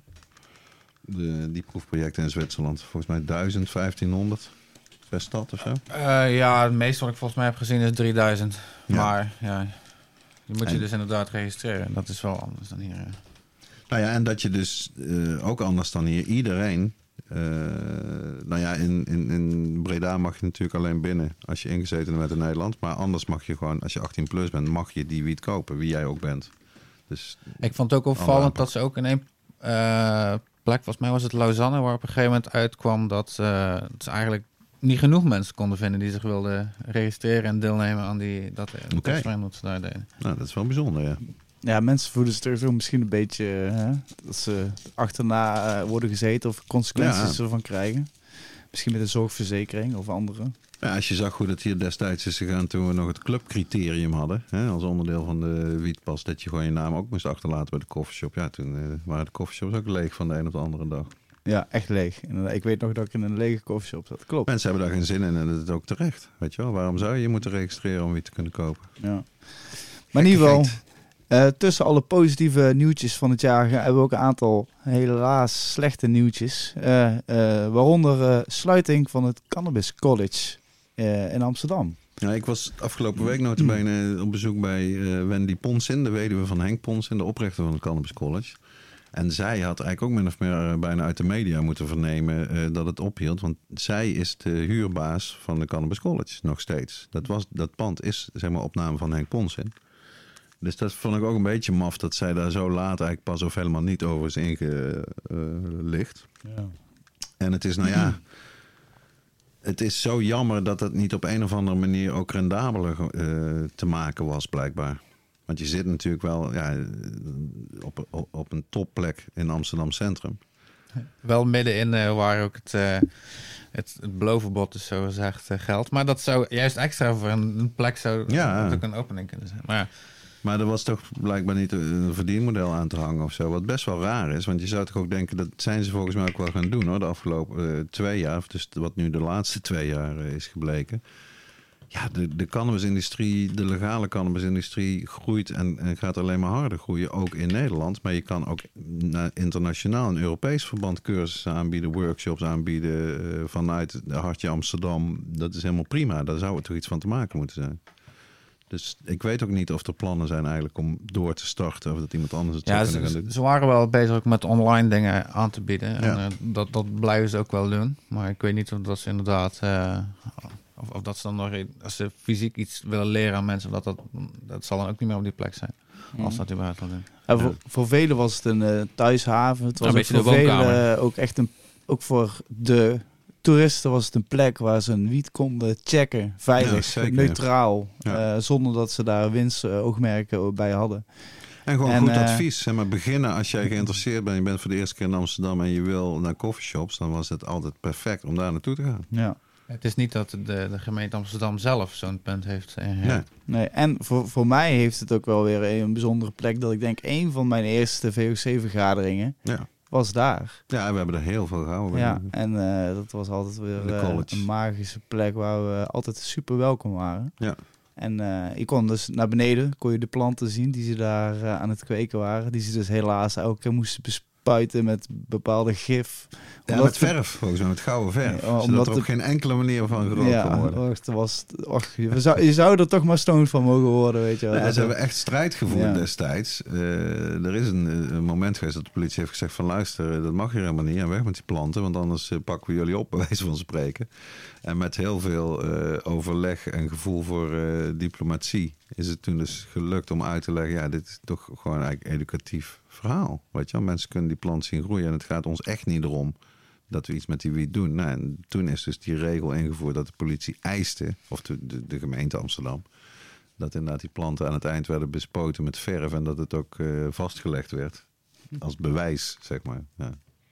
Bizar. ja. Don't panic, it's organic, zou je bijna zeggen. Ja, maar eh, in ieder geval ja, een kleine, kleine sombere, sombere gedachte in ieder geval. En eh, ja, ook helaas het nieuws dat dus eh Grow Shop Plantarium te Nijmegen... Ja, eh, nog zo'n, eh, ja, toch bijna historisch te noemen plek. En de Grooshop die het ook eh, opnam, als het ware. Of die, die bijna verpletterd was door eh, justitie en gewoon won op alle fronten. En in die zin ook een soort baken van hoop gaf eh, voor andere Groosshops, denk ik, en überhaupt. Maar ja, heel jammer dat het... Dat is ook een vergaderlocatie van onze stichting. Zeker. En we hebben het aantal keren daar ook de Gouden Gieter eh, uitgereikt. De, de fotowedstrijd van Ja, hebben- VOC hebben van. Met hen destijds ook eh, de, die veiligthuiskweker.nl website eerst opgezet, waar de Gouden Gieter uit voortkwam. Waar we ja, inderdaad nu mee moeten gaan beslissen wat we daar verder mee gaan doen. Ja, daar zijn we nog niet uit. Nee, maar ik, ik dacht wel persoonlijk, eh, komt, dit, komt dit puur omdat bijvoorbeeld mensen zijn opgestreden, dat ze er klaar ermee zijn? Of is het gewoon echt dat mensen liever niet meer fysiek naar een winkel gaan waar ze een kweekspulletjes halen? Dat ze liever online halen, anoniem? Eh, wat Ja, ik dat- had, ik had zelf juist het idee dat de, de combinatie die, die zij hadden eh, heel sterk was. Natuurlijk veel online verzending. Maar juist voor mensen die, eh, die ook wat, wat uitgebreider advies willen hebben, weet je wel. Is het geweldig dat je gewoon naar een fysieke plek kan gaan natuurlijk. En zij zaten daar ook prima. Niet in het centrum, weet je rustige straat. Ja, dat was allemaal eh, heel ideaal bij Plantarium. Ja, einde van een tijdperk. Dat geldt eh, denk ik zowel voor Plantarium als voor Cannabis College. En eh, ja, bedankje is ook op zijn plaats natuurlijk. Dat zeg ik ook in mijn hoedanigheid als VOC-voorzitter... voor de gastvrijheid die we altijd hebben mogen genieten bij Plantarium. De samenwerking met veiligthuiskweken.nl en ook met de Gouden Gieter. Bedankt guys. En eh, laten we hopen dat jullie ook allemaal natuurlijk op andere leuke en interessante plekken terechtkomen. Nou, Mooie Plantarium paden, ja. Niet meer bestaat. Zeker weten. Ja, en nou weer terug naar wat positievere dingen. Ehm, ja, de Homegrown Cup. Eh, de eerste keer dat we een... eh, we hebben voor de eerste keer in de zomer hebben een weekender, zoals we het hebben maar genoemd, eh, ehm, ehm, ge- gedaan. Om zo. En ja, dat was voor mij ook echt een... Het was eigenlijk voelde weer als een, eh, een heel nieuw evenement. we doen nou eh, sinds 2019, geloof ik. Als ik het even uit mijn hoofd zeg... eh, hebben we de, de Homegrown Cup eigenlijk ges- gesplitst in twee edities. De zomereditie voor de binnenwiet en de wintereditie voor de buitenwiet. En, ehm, ja, en eigenlijk die zomereditie, dit, dat was altijd wel een hele andere vibe. Heel lekker. Kon, mensen konden in de tuin zitten. eh, Zonnetje. lekker, zonnetje. En ja, die plek die zag er eigenlijk ook best wel uit om, om eigenlijk ook nog een tentje misschien wel neer te kunnen zetten. En toevallig, het zat in mijn hoofd en toevallig kwam ook die eigenaar eh, naar me toe van... eh, dit zou best wel eens een, dit zou best wel kunnen. En Wij, wij, zouden, wij vinden het ook leuk als jullie dit zouden doen. Dus laten we het anders gewoon twee dagen doen. En ehm, Ja, nou ja, dat was eigenlijk, eh, werd het van een, inderdaad een cupje organiseren naar een mini-festivalletje. Ja, in plaats van zaterdag, zaterdag en zondag. Ja, en eh, er kwam ook natuurlijk eh, de vrijdag bij dat, mensen, dus, dat, dat er ook nog een feestje werd georganiseerd. De Dus pre-party. donderdag moesten mensen het ook komen inleveren. Dus was ook al. En we hadden ook al geregeld dat daar de mensen die wilden vanaf donderdag ook al konden kamperen. Dus het was eigenlijk van donderdag tot zondag gewoon eigenlijk full, full, ja echt eh, volledige eh, bezigheden. party. Ja, en ik denk dat het wel, eh, en dan, ja, ik denk dat het be- best wel leuk is geweest. Ja, zeker. O- o- o- Het was natuurlijk, überhaupt, het was gewoon weer ons eigen experiment. En ook wel gezien dat we een paar goede, eh, ja, of, of mo- mooie dingen gezien. Bijvoorbeeld ook die, die pre-party bij de Grass Company. Dat was ook een beetje een gok van, ja, gaan daar mensen op afkomen? En dan, Uh-huh. wie gaat er precies op afkomen? Dat waren inderdaad eh, mensen die gingen deelnemen, maar ook mensen die ja, in het weekend ook iets anders te doen hadden. Maar die er daardoor toch in ieder geval weer even een beetje het gevoel kregen voorbij konden zijn. Dus dat was op zich ook Leuk, wel mooi ja. om te zien. Ja.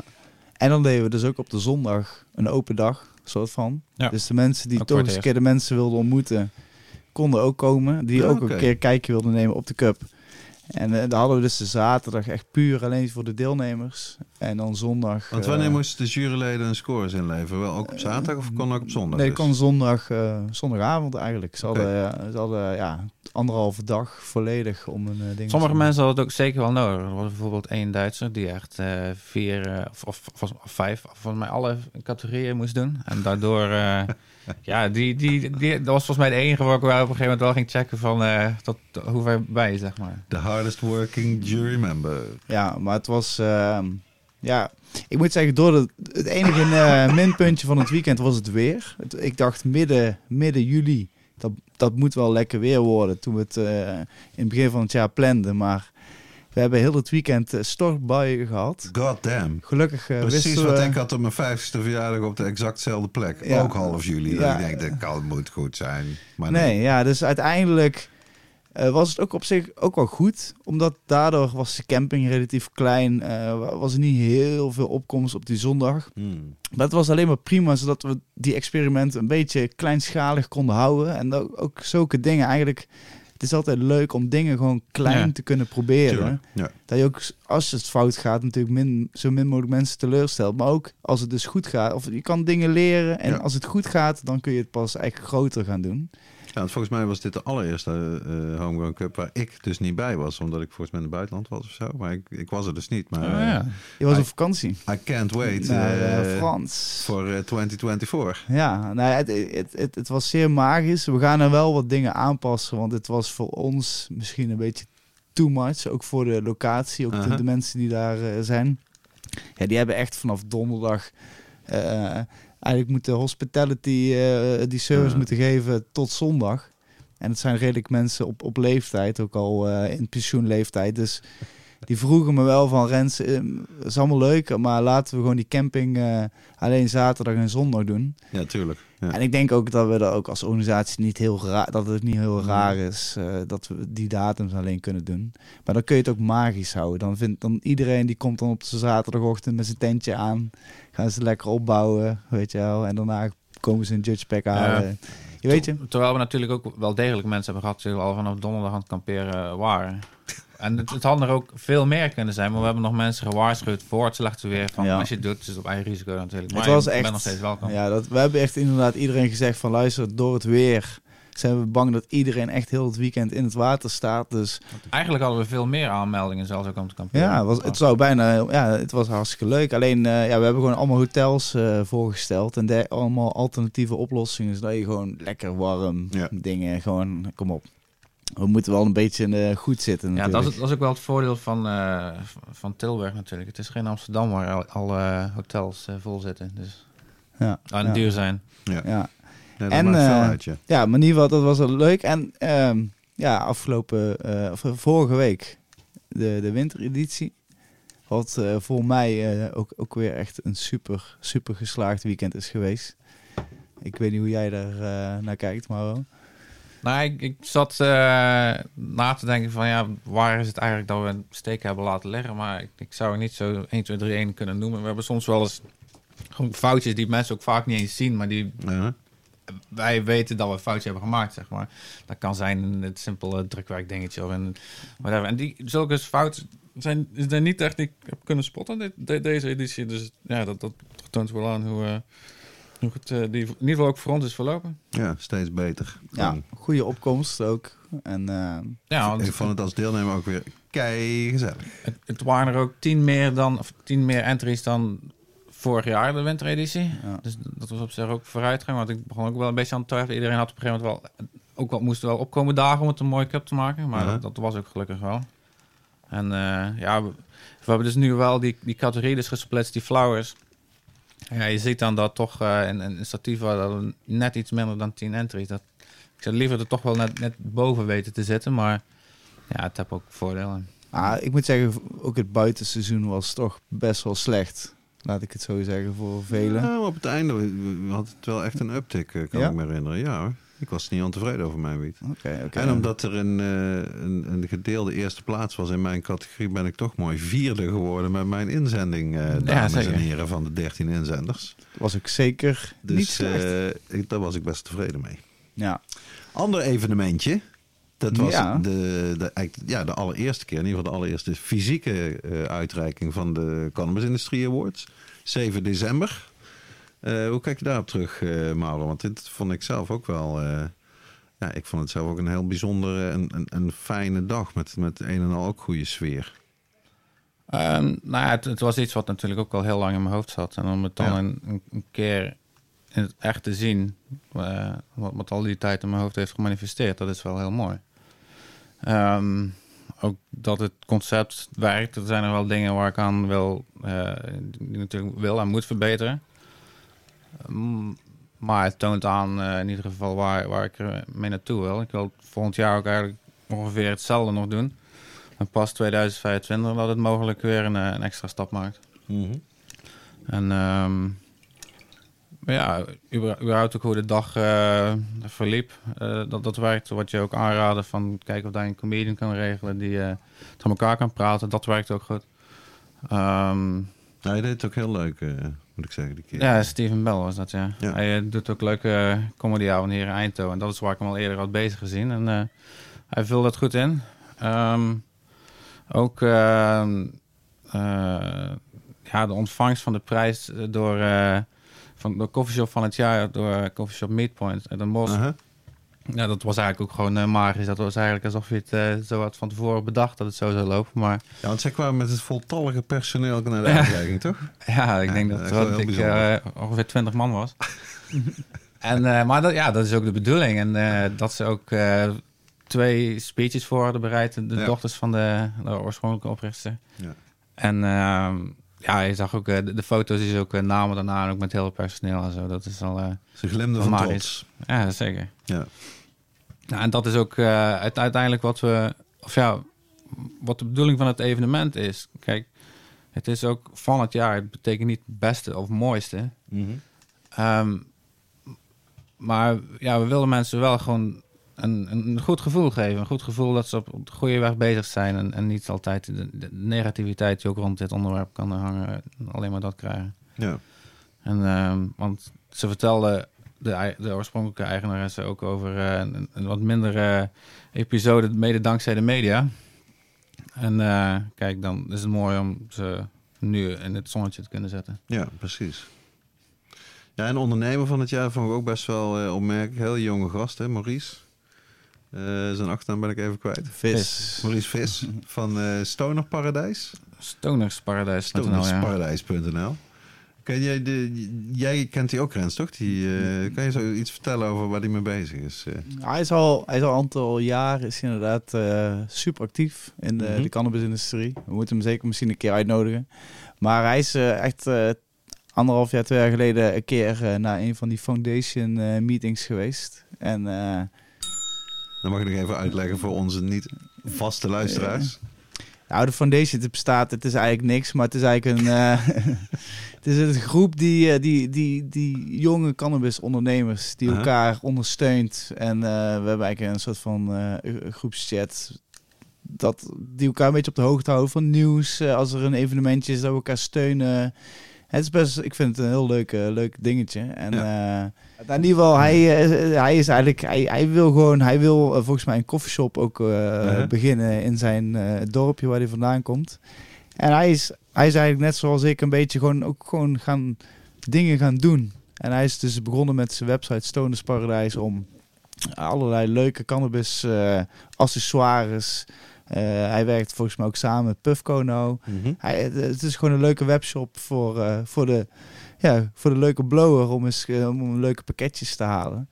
En je ziet dat hij gewoon, hij zit gewoon niet stil. Hij blijft doorgaan. Hij, hij, hij is bij elk evenement aanwezig. Hij, hij praat met iedereen. Hij, ja, ik, ik denk dat wel namen is die we nog veel gaan horen in de toekomst. Dus, Ja, laten we hem inderdaad in het nieuwe jaar ja, wie weet. keer vragen of hij te gast wil zijn in de podcast. Mooi. En, nou, het laatste evenement dat ik, eh, wat ik zelf erg benieuwd naar ben, want ik was er niet bij, maar jullie alle twee wel. Eh, voor het eerst in jaren was er weer een Dabadoo in Amsterdam. Want er zijn er natuurlijk heel veel. In Zuid-Amerika, in Barcelona, eh, ik weet niet waar Mille allemaal naartoe gaat. Echt geweldig. Maar Amsterdam was alweer een tijdje geleden. Dus brand los, jullie waren er alle twee bij, 20 december. Waar was het? Om daarmee te beginnen. Het was voor mij wel een opvallende plek bij de Pridami Coffee Shop in Amsterdam. Oké. Daar hebben mensen ook mij wel eens gevraagd van, oh, organiseer, die Homegrown Cup in een coffeeshop. Dan moet ik ze altijd uitleggen dat nee, dat, dat kan niet. En dus, het was wel opvallend dat dat nu dus wel daar was, Ja. in een coffeeshop. Ja, dat is een van de allergrootste coffeeshops qua oppervlakte van Nederland. Hè? Met drie Ja. verdiepingen. En dan was het dan één verdieping of was het de hele shop afgehuurd? Het? Eh, volgens mij was het één verdieping, ja. Met twee zalen. Mhm. Ehm, ja, het blijft sowieso wel een, een, een bijzondere plek ook om eh, te zijn, die shop. Ook de manier van commercie met de, met de, met de tv's die de, het hele menu constant laten zien en zo. Ja. Dus, ja, eh, voor mij een beetje too much. Maar ja, het is ook, het is ook midden Amsterdam. Dus ik- eigenlijk begrijp ik het Ja, ook zijstraatje van Damrak. Hè? Echt Ja. loopafstand van het Centraal eh, Station, Ja. Ja. Ja, en voor mij was het ook gewoon eens leuk. Het was voor mij gewoon een uitje om ook eens zelf weer eens jurylid te zijn van, van, een, van een- een Cannabis Cup. En eh, Jij dacht nadat er zeg maar twee cannabis evenementen waren geweest en die eerste dag van de wietproef, ah, even relaxen, ik ga naar een wietevenement. Eigenlijk wel. Eh, en ja, eentje waar ik dus eh, in principe niks mee hoefde te doen. Ja, Daar heb ik niet over hoefde te schrijven of wat dan ook. Dus ik kon gewoon lekker daar op tijd zijn en het proberen. Want ja, in tegenstelling tot de, de andere cups is het volgens mij niet ene waar je gewoon een, een, een ticket kan kopen en daar samples voor krijgt. Want Dat- toch maar eventjes, voor mensen die niet weten wat de Dabadoo precies inhoudt. eh, eh, ik geef even de korte rundown. Nou, zoals de naam al eh de suggestie doet werken, is, heeft het voornamelijk met producten te maken die je kan dabben. Dus de afgelopen keer waren het de categorieën rosin, isolator en drysift. Mhm. Ehm, vroeger waren ook nog wel, had je ook nog wel solvent met, met BHO, maar mm, hebben ze die niet meer. En de precieze regels zijn mij een beetje onduidelijk, want eh, het, lijken geen restricties te zijn op waar het precies vandaan komt. Ehm, en, ehm, maar ja, aan het eind van de dag worden er eh, winnaars eh, gekozen. En, je, krijgt gewoon een formulier waar je moet invullen je scores. En aan het einde van de dag worden de winnaars bepaald in, in, drie categorieën. En die krijgen een prijs. En zijn het dan de extractors zeg maar, die, die, die deelnemen of coffeeshops waar het te krijgen is? Want het is natuurlijk formeel is het eh, allemaal nog hartstikke verboden in Nederland, toch? Concentraten. De, er is op dat gebied, de, de deed van alles mee. Sommigen deden mee met een eigen product, maar er waren ook ja, coffeeshops die meededen met het- een, een product. Of een, ja.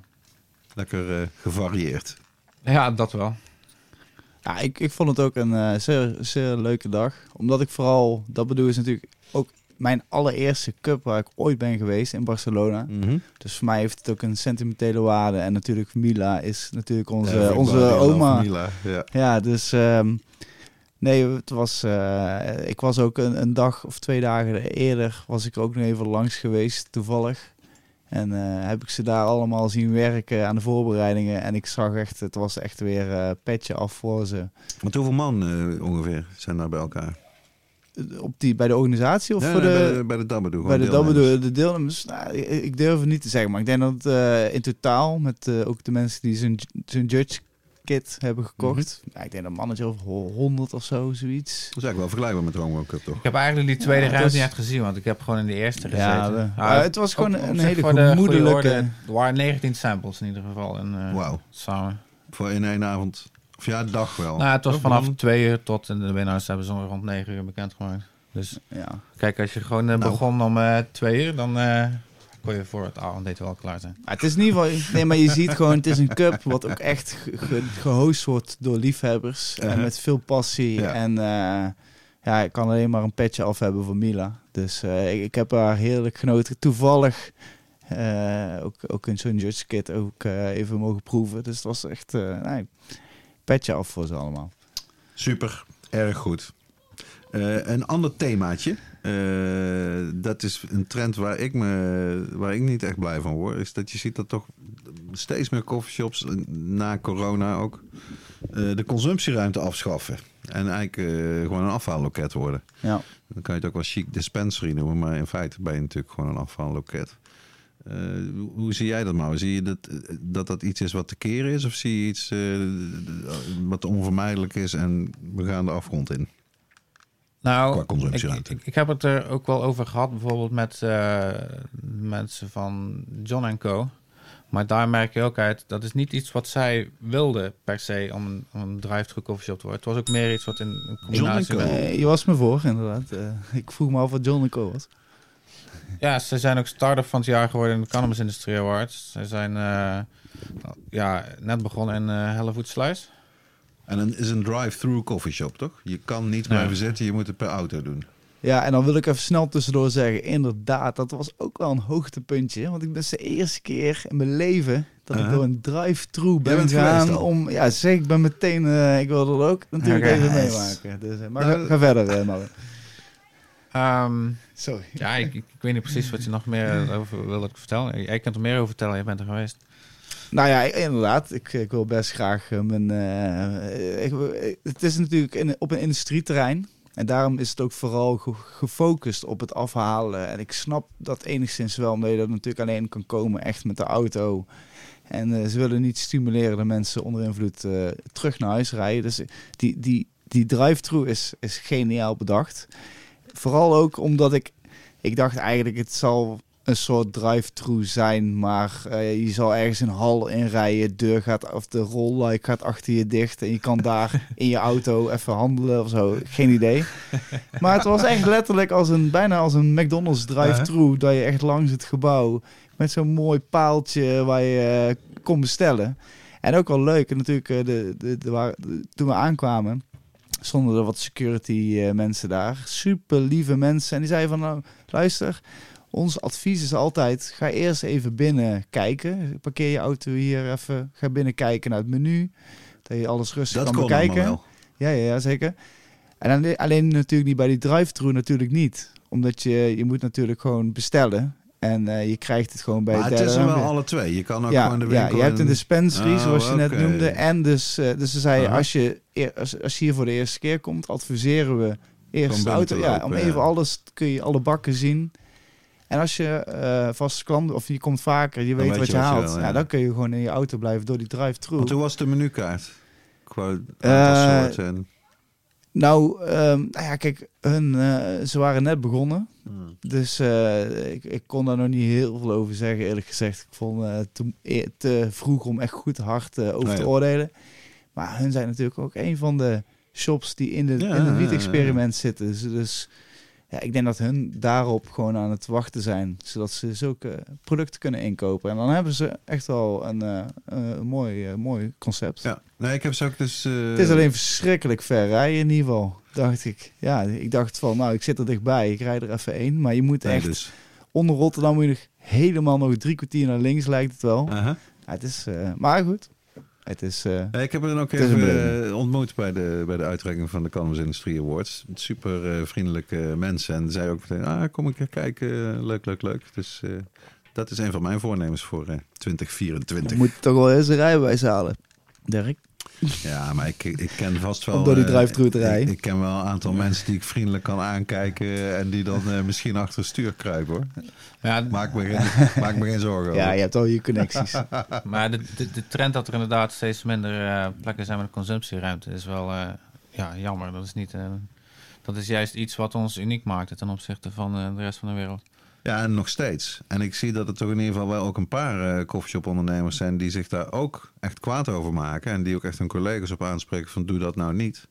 Maar ik vind het zelf ook lastig in te schatten of die ontwikkeling nog te keren is of niet. Ja, ik, ik had mijn uh, bedenkingen en dat is misschien ook wel wat ik heb gezegd in mijn tripje na Amerika toen. Mhm. Want uh, ik, ik werkte toen vier jaar in een shop. Ik stond best wel uh, vier jaar lang eigenlijk in die rookruimte waar iedereen om me heen blode. En ik zat elke avond, mijn neus zat vol met rook en rotzooi en zo. Ik Ja, merkte echt dat, ook? ja, Ja. ook voornamelijk door dat, zeker. En toen dacht ik echt van, oh man, er zouden eigenlijk wel meer dispensaries moeten zijn, weet je wel. Ja. Gewoon, hup, afhalen, lekker thuis roken, geen probleem. Alleen toen ik dus in Amerika was, in de winter, waar ik dus nergens binnen kon roken, ook niet in mijn huurauto of in mijn hotel, stond je gewoon met min 10 buiten, nou, lekker te genieten van je jointje. En toen dacht ik wel, zo, Je ziet het gedachtenwolkje boven je hoofd. ja, de koffieshop is zo niet zo gek. Weet je, het is nog niet zo raar dat je eigenlijk op een plek lekker warm, veilig, rustig, even en Tuurlijk. ook zo socialiseren met de mensen. Zo is het Dus, natuurlijk ook eh, echt begonnen. Daarna heb ik mijn liefde weer voor de, voor, voor de consumptielounge uh, teruggekregen. en ja. nu, nu helemaal, volgens mij, van de beste voorbeelden die je kunt krijgen van hoe het kan zijn, is met de Grass Company in Tilburg. Nee, want je hebt en de, de wiet experiment wiet die je kunt Ja. eh, krijgen. En eh, je krijgt ook nog een mossel erbij die je kunt erbij bestellen. Dus eh, voor mij was het gewoon... eh, ik, ik heb ze toevallig niet kunnen bestellen, want ze waren niet beschikbaar die dag. Maar dat was even wel eh, de hemel op aarde, ja. Wat een combi. Ja. ja, maar John. Co is niet de enige koffieshop trouwens die in eh, 2023 open is gegaan. Eh, ja, na jaren van eigenlijk alleen maar afname, steeds minder koffieshops in Nederland, komen er weer, mondjesmaat weliswaar, eh koffieshops bij. Eh, je hebt een lijstje ook eh, Of worden ze omgekat. hernieuwd. Ja. Eh, Ja, dat eh, is in ieder geval... Ja, je hebt inderdaad de, de John Co. in Hellevoet Sluis. Dus, eh, maar je hebt ook de Smokery in Wormerveer, Zaanstad Noord. Dus ook deel uitmakend van de wietproef. Ja. ja. En volgens mij was dat een collab ook samen met de Plug. Eh, zag ik, Nou, zag, je eh, ziet dat, eh, zag in foto's ook van de, van, in de pers en zo, zag je dat op de bakjes, zag je ook de plug. En ook op, als je ze opzoekt op Google Maps, zie je ook de, de referentie naar de plug. Dus.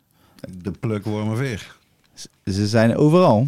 Maar eh, dat is wel eh, hartstikke mooi. Maar ehm, ja, natuurlijk ook nog eh, de Tyson 2.0 in Amsterdam. Voorheen Softland en Greenhouse Effect. Ja, die hebben dus volledig de Amerikaanse vibe hierheen gehaald. Ja, ik ben er zelf niet geweest. Zijn van jullie er geweest? Nee. Ik heb er tegenover op het terras gezeten. Dat is dichtst ben gekomen. maar Oh, Mauro is dichtstbijzijn in ieder geval van ons. hij weet het meest, hij kan meer over maar ik ben niet binnen geweest. Dus, eh, Maar ze hebben toch niet daar die eh, Tyson producten die in Amerika eh, verkocht worden onder zijn Nee, dat naam, kan niet. ik aan. Nee. mag Nee, niet. Maar ja, hij heeft wel de shop geopend. Ja. Met veel belangstelling. Waaronder ook Nederlandse bekendheden. Zoals Rico Verhoeven. Die daar Ja, ook eh, in de shop. wel. Dus dat Voor zag... positieve publiciteit is Ja. het... Nou ja, maar ja, Tyson is natuurlijk niet voor niks ook nog best wel een omstreden kerel. Met Ja. eh, zijn verleden van eh, geweld en verkrachtingen, wat hij allemaal heeft gedaan.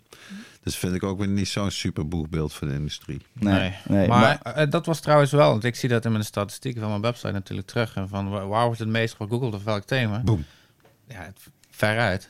Veruit. Er zijn echt heel veel mensen die daarop hebben gezocht. En dus ook From eh, boxing to hot maar wie kent Tyson bijna niet, toch? Ja, Iedereen is- kent Mike Tyson. ja, praktisch. Dus, eh, en dat, dat, dat, dat, dat hij dan zogenaamd een shop opent in Amsterdam is gewoon een big happening. Ja, dat is wel. Deze week sprak ik iemand die had nog nooit gehoord van Muhammad Ali. Dat vond ik ook wel interessant. Oké. Maar in ieder geval over, over positieve, wat wel dan weer een eh, leuk dingetje is. eh, eh, en dat zeg ik niet omdat ik, omdat ik ze zeer eh, waardeer, eh, de mensen achter eh, La Calada. Ja, die zijn ook geland in Die Amsterdam, zijn toch? ook dit jaar geland in Amsterdam, inderdaad. Die hebben zich gevoegd met Coffeeshop Catch 33. Oké. Eh, ehm, volgens mij eh, Amsterdam-West, als ik het even zo snel... ja, volgens Heb mij wel. niet paraat. Vlakbij het Westerpark. Oké. En, Oh ja. en ik moet zeggen, het is, ik vind het fijn om in ieder geval zulke merken die liefde hebben echt voor het product, wat, wat gepassioneerde harsmakers ook zijn, die zulke producten ook naar Amsterdam brengen. Ja, cool. En eh, ja, dat is eh, natuurlijk ook Ja, ik heb wel wat leuk. goede hars gescoord. Hè. Ja, dus eh, we zijn ook hartstikke goed bezig. En we hebben natuurlijk ook Bobby gesproken in eh, de podcast. Ik heb nou 1, 2, 3 snel niet de podcast eh, voor me, maar een aantal podcastjes terug. Ja, zoek hem, zoek hem erbij Ja. en luister hem terug. En er zijn twee nieuwe coffeeshops in Hogeveen. Of nou, die, zijn er komen. nog niet. Ja, Ja, die zijn er nog niet. Ze willen, de, ze, die, ze willen dat. En Nou, dat is, vind ik dus wel weer echt een heel opmerkelijk positief nieuwtje van het afgelopen jaar. Dat daar hebben ze nu nog de nuloptie. En het gaan ze dus meteen doorknallen. En in de gemeenteraad is daar heel duidelijk gezegd... eh, ja, twee koffieshops beter dan één. Als er concurrentie is, beter voor de consument. Die houden elkaar scherp. Ik las dat, ik denk... Hè, hè, eindelijk is er weer een beetje gezond verstand... ook als het over koffieshops gaat. En niet een soort eh, Pavlov-reactie van koffieshop slecht... moet niet eh, weg ermee, maar... Laten we het gewoon eens bekijken zoals we andere normale ondernemers bekijken. Dus hoera voor Hogeveen! ja, nee, dat is hartstikke mooi. En eh, ja, je ziet wel, over het algemeen dit jaar is het meer positief dan negatief. En je ziet de trend vorderen. In de cannabiswereld wel. In Ja. de rest van de wereld denk Helaas niet. niet. Maar eh, Ja, je, je weet het, in goede of in slechte tijden. Ja, mensen zeker. houden altijd van wiet. zeker. Dus, ja, en, en naast natuurlijk de hoogtepunten die in het nieuws zijn geweest van de afgelopen jaar, willen we ook even weten wat onze persoonlijke eh, herinneringen of hoogtepunten zijn van eh, dit jaar. De cannabis hoogtepunten. Te beginnen bij onze gast, Mauro. Nou, er zijn er meerdere die ik eh, zou kunnen noemen. Zoals ook nat- natuurlijk de weekender. Ehm, maar ook de, de start van de wietproef. Maar als ik dan iets persoonlijks mag noemen, is het voor mij die awards. Omdat ik, zoals ik ook al zeg, dat was iets wat ik al heel lang in mijn gedachten Mhm. had. En nu met eigen ogen voor het eerst ook kon zien en meemaken. Dat is altijd inderdaad een magisch moment, weet ik ook uit eigen ervaring. Hoe zit het bij jou, eh, Rens? Ja, Wat dat is je is, eh, hoogtepunt? dat is altijd, eh, vond ik ook wel heel lastig te benoemen. Er zijn een aantal hoogtepuntjes geweest. Ehm, maar eh, ik denk, ik dacht, ik ga niet iets noemen wat we al genoemd hebben in de rubriek. Heb ik er twee, eigenlijk anderhalf, laat ik zo zeggen. Eh, dat ik dus voor het eerst in mijn leven ook eh, legale medicinale cannabis in Chili heb gerookt. Die Oh, wauw. fantastisch lekker was. Dus eh, dat was ook, eh, om, omdat ik daar best wel sceptisch heen ging, was, was dat. En vooral, ja, vakantie. De enige wiet die ik daar had, en ook meteen hele lekkere wiet, dat was gewoon meteen voor mij een hoogtepuntje. Dat was gewoon top. Ehm, Jij was in Chili de liefde achterna, toch? ja, ja, ja, de liefde. Dat Ja, is altijd ja, eh, ja, een goede eh, reismotivatie Ja, natuurlijk. ja, was leuk. En niet alleen de liefde voor de wiet. eh, de- buiten de- Maar goed, en daarnaast wil ik nog wel, en misschien is het wel iets voor een, voor, een vooruitblik naar 24. Maar ja, ik heb altijd, ik heb dit ideetje, heb ik dus al, ik denk al vier jaar lang had ik dat in mijn hoofd zitten. En eigenlijk door de heer Karma Genetics is dat eigenlijk eh, naar boven gekomen dit jaar. En eh, het, het, we hebben eigenlijk een nieuw concept eh, uitgevonden. Of nou, het- we hebben helemaal niks nieuws uitgevonden. Maar we zijn het gewoon gaan doen. Het, het, heet de Fino Hunt. En we hebben het nog op het einde, nog, een paar dagen geleden gelanceerd. Dus het houdt in eigenlijk dat in samenwerking dus met Carmen Genetics en La Chanvière. En we kiezen el- elk jaar kiezen we breeders uit waarmee we dit gaan doen. Maar nu hebben we eigenlijk een soort van kleine testrun. Eh, we hebben eigenlijk twee zaadlijnen uitgebracht. Mhm. En daar kunnen mensen zich voor registreren. Die kunnen dan zo'n pakje eh, thuis krijgen. En die doen dan mee aan de wedstrijd. Want iedereen heeft dus een andere... eh, ja, iedereen heeft een aantal zaadjes. Dat zijn allemaal fino's. Die moeten ze thuis nummeren en dergelijke. En einde van de... over een halfjaartje laten ze allemaal bij elkaar komen. En dan eh, moeten ze allemaal iets van een... dan moeten ze zelf thuis eigenlijk de beste fino zoeken. Nou, ik kon net zeggen, Ja. mogen ze alles inleveren of moeten nee, ze ze, moeten zelf een beste fino vinden. Ja, en vanuit ja, daar hebben we dus dan Best allemaal... best. Ja, gaan we met z'n allen kijken Dat met, is een, wel met cool. een testje en een, een proeverijtje wie nou uiteindelijk einde van die run de beste fino heeft. Een proeverijtje. Ja, en eh, die krijgen leuke prijzen en Ja, dan moeten we nog even, we moeten nog helemaal 100% uitkristalliseren. Dus het, maar het is- bestaat nog niet, maar het is nu al jouw hoogtepunt van dit jaar. voor mij, omdat het, het is een idee die Uh-huh. ik dus al heel lang in mijn hoofd heb, die er dan Uh-huh. nog niet Ah, uit is gekomen. En die, die dan toch, maar ook met de hulp van ook eh, Mossy Giant voor, voor weer prachtige eh, grafische vormgeving. Maar dat we, de- dat we toch gedaan hebben. En ook dat de reacties erop echt super leuk zijn. Ik bedoel, het is misschien vinden, vinden mensen vinden het ook gewoon leuk, maar mensen sturen ook echt van wow, dit is echt wat we, wat we willen. Of dit is echt iets wat we zoeken. Ja, en ik het denk geeft ook, absoluut een nieuwe dimensie dat je gewoon ja, samen aan het kweken bent met dezelfde zaden, zo gezegd. Ja, het, dat het, is heel het heeft iets weg van de grow-off, zeg maar, wat ze in Amerika doen. Maar dat is van één cut. Maar om- omdat dat ook niet echt kan hier. En ja, het is...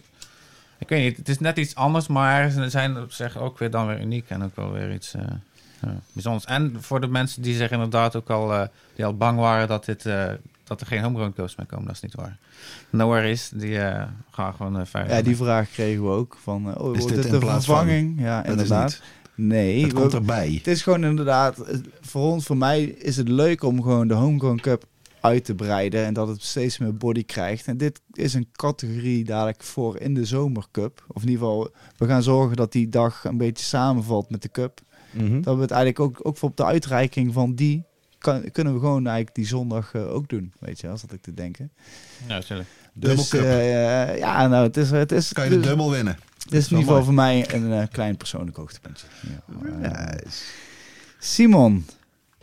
Ja, je hoort hem nooit, maar hij is er altijd wel. Onze eh, stille kracht achter de schermen En achter de schuiven. en achter de schuiven. ja precies. Maar- Ja, wat inderdaad voor mij dan een, eh, een hoogtepuntje zou zijn. Ik denk, ehm, ja, ik, ik doe natuurlijk een stukje minder met cannabis dan jullie allemaal. Ik doe natuurlijk met de podcast en eh, krijg veel mee van Dirk. Dus ja, voor mij een, een hoogtepunt was ook wel de start van het wiet-experiment. Eh, ook omdat ik denk wel, nou, ook mijn, mijn, mijn vrienden en, en, en kennissen, dat ik ook veel wel hoorde van, hé, hey, je, je paas op tv, what the fuck? Dus dat vond ik wel erg lachen, dat het ook een beetje... Ja, het is dan niet binnen alleen deze kringen dat ik natuurlijk veel hoor over cannabis, maar dat ik ook van, van vrienden omheen en, en gewoon mensen die er niet mee eh, bezig zijn. Om Ja, zo te out in the open. Ja, Daardoor. dat, dat het daar ook meer, eh, ook weer een keertje is aangepunt. En dat, dat vind ik heel mooi. En eh, dan wel meer een persoonlijk cannabis hoogtepuntje was voor mij toch wel afgelopen herfst. Je hebt dan elke herfst in Eindhoven heb je Glow, is een lichtfestival.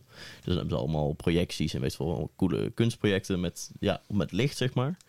Ehm, en eh, dat, met mijn lieftallige vriendin, die ook te horen is eh, in de Wat zit er in je joint jingle. Jingle, ja, ja.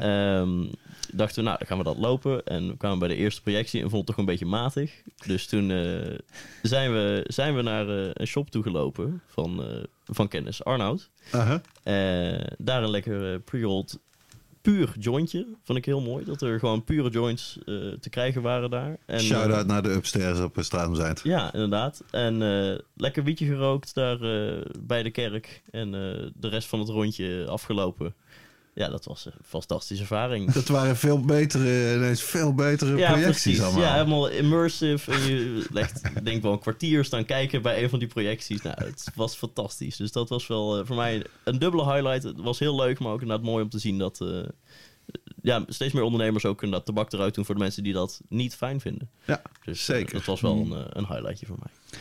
Nice. Ja, heel goed. Ik moet wel zeggen, je hebt een goede radiostem ook, Simon. Ik denk dat mensen jou vaker eh, willen horen. Ja, dat, eh, dat mogen ze zeggen in de comments. Dat is eh, een beetje meer van, eh, ja, van misschien mij. kun je mij gewoon overnemen. Dat scheelt wat spraakgebrek in ieder geval. Maar ik, ik- wat ik me ook nog bedacht, out of the blue, sorry eh, mensen, maar eh, wat ik ook een klein hoogtepuntje vond, was onze eerste silent podcast. Ja, zeker, ja. Dat is, eh, ik denk, ik, ja, ik, weet het niet of dat het ooit eerder is gedaan, maar we hebben dus eh, nou een aantal afleveringen live opgenomen in eh, de High Times in Eindhoven. En eigenlijk wegens een beetje technische problemen, omdat we eigenlijk wilden dat de mensen in de shop natuurlijk ons goed konden beluisteren. Gingen we zinnig rondzingen. Ja, nou dachten we van, hoe gaan we dat doen? En we dachten van, laten we boksen doen en zo neerzetten. Alleen dat begon te echoen. En toen bedacht ik me van, ja, je hebt van die silent disco's... waar iedereen gewoon zo'n koptelefoon op eh, heeft in een bepaalde kleur. En, en dan heb je ook honderden mensen die eigenlijk... eh, Yep. Dus het, de techniek is er. Ik denk als we dit naar de shop kunnen brengen, dan, dan kunnen mensen gewoon lekker een plekje nemen. Ergens ver weg in de shop waar ze maar willen. En lekker genieten, toch? Of dat ze langs ons zitten bij de Haiti podcast. En het echt goed kunnen verstaan. Ja, ook dat. En wat grappig is, als ze het niet willen horen, dan zetten ze niet zo'n ding op. Nee, Dus, en dan hebben ze eh, ook geen last van ons. Dan kunnen ze gewoon genieten van een Ja. krantje en een koffietje in de koffieshop. Dus eh, ik moet zeggen, dat... En, en, het, en het werkt eigenlijk heel netjes eigenlijk. Ja, zeker. Dus eh, dat vind ik ook. En ik denk dat het ook zoiets eh, leuk is om dit ook eh, vaker in andere coffeeshops een keer te gaan doen. Ook, ook voor de mensen die, eh, die dat leuk vinden om ergens ons te zien. We, Ja, we zijn zeker. flexibel. We denken over alles na. Dus eh, Je ja, kunt met ons alle kanten op. precies. Dus nou ja, ook, ook nog ook sowieso een vraag aan de luisteraars. Wat was jouw hoogtepunt van 2023 qua cannabis? En misschien heeft iemand een hele mooie plant gekweekt of een heel lekker soortje gehaald. Ik wil net zeggen, een waanzinnig soortje gescoord. Of een nieuwe liefde ontdekt doordat ze samen met iemand een joint hebben gerookt. Je weet het niet. Het, het kan van alles zijn. Dus eh, dan gaan we door naar de oude doos, Dirk.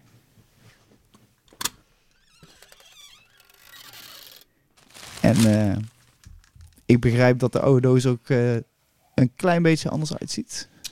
Ja, we blikken natuurlijk terug op het voorbije jaar. Dus ik wilde even stilstaan bij eh, een aantal mensen die het tijdelijke voor het eeuwige hebben verwisseld eh, in het afgelopen jaar. Eh, dat is natuurlijk in de eerste plaats, haar naam viel al een paar keer, Hester Kooistra. Die op 24 november 2023 overleed op 49-jarige leeftijd. Haar afscheid op de begraafplaats Sint Barbara in Amsterdam op 4 december was druk bezocht. En er waren ook een aantal mensen uit de cannabiswereld daar. En op haar rouwkaart stond de treffende tekst: Zo fragiel als haar lijf was, zo ongelooflijk krachtig was haar geest.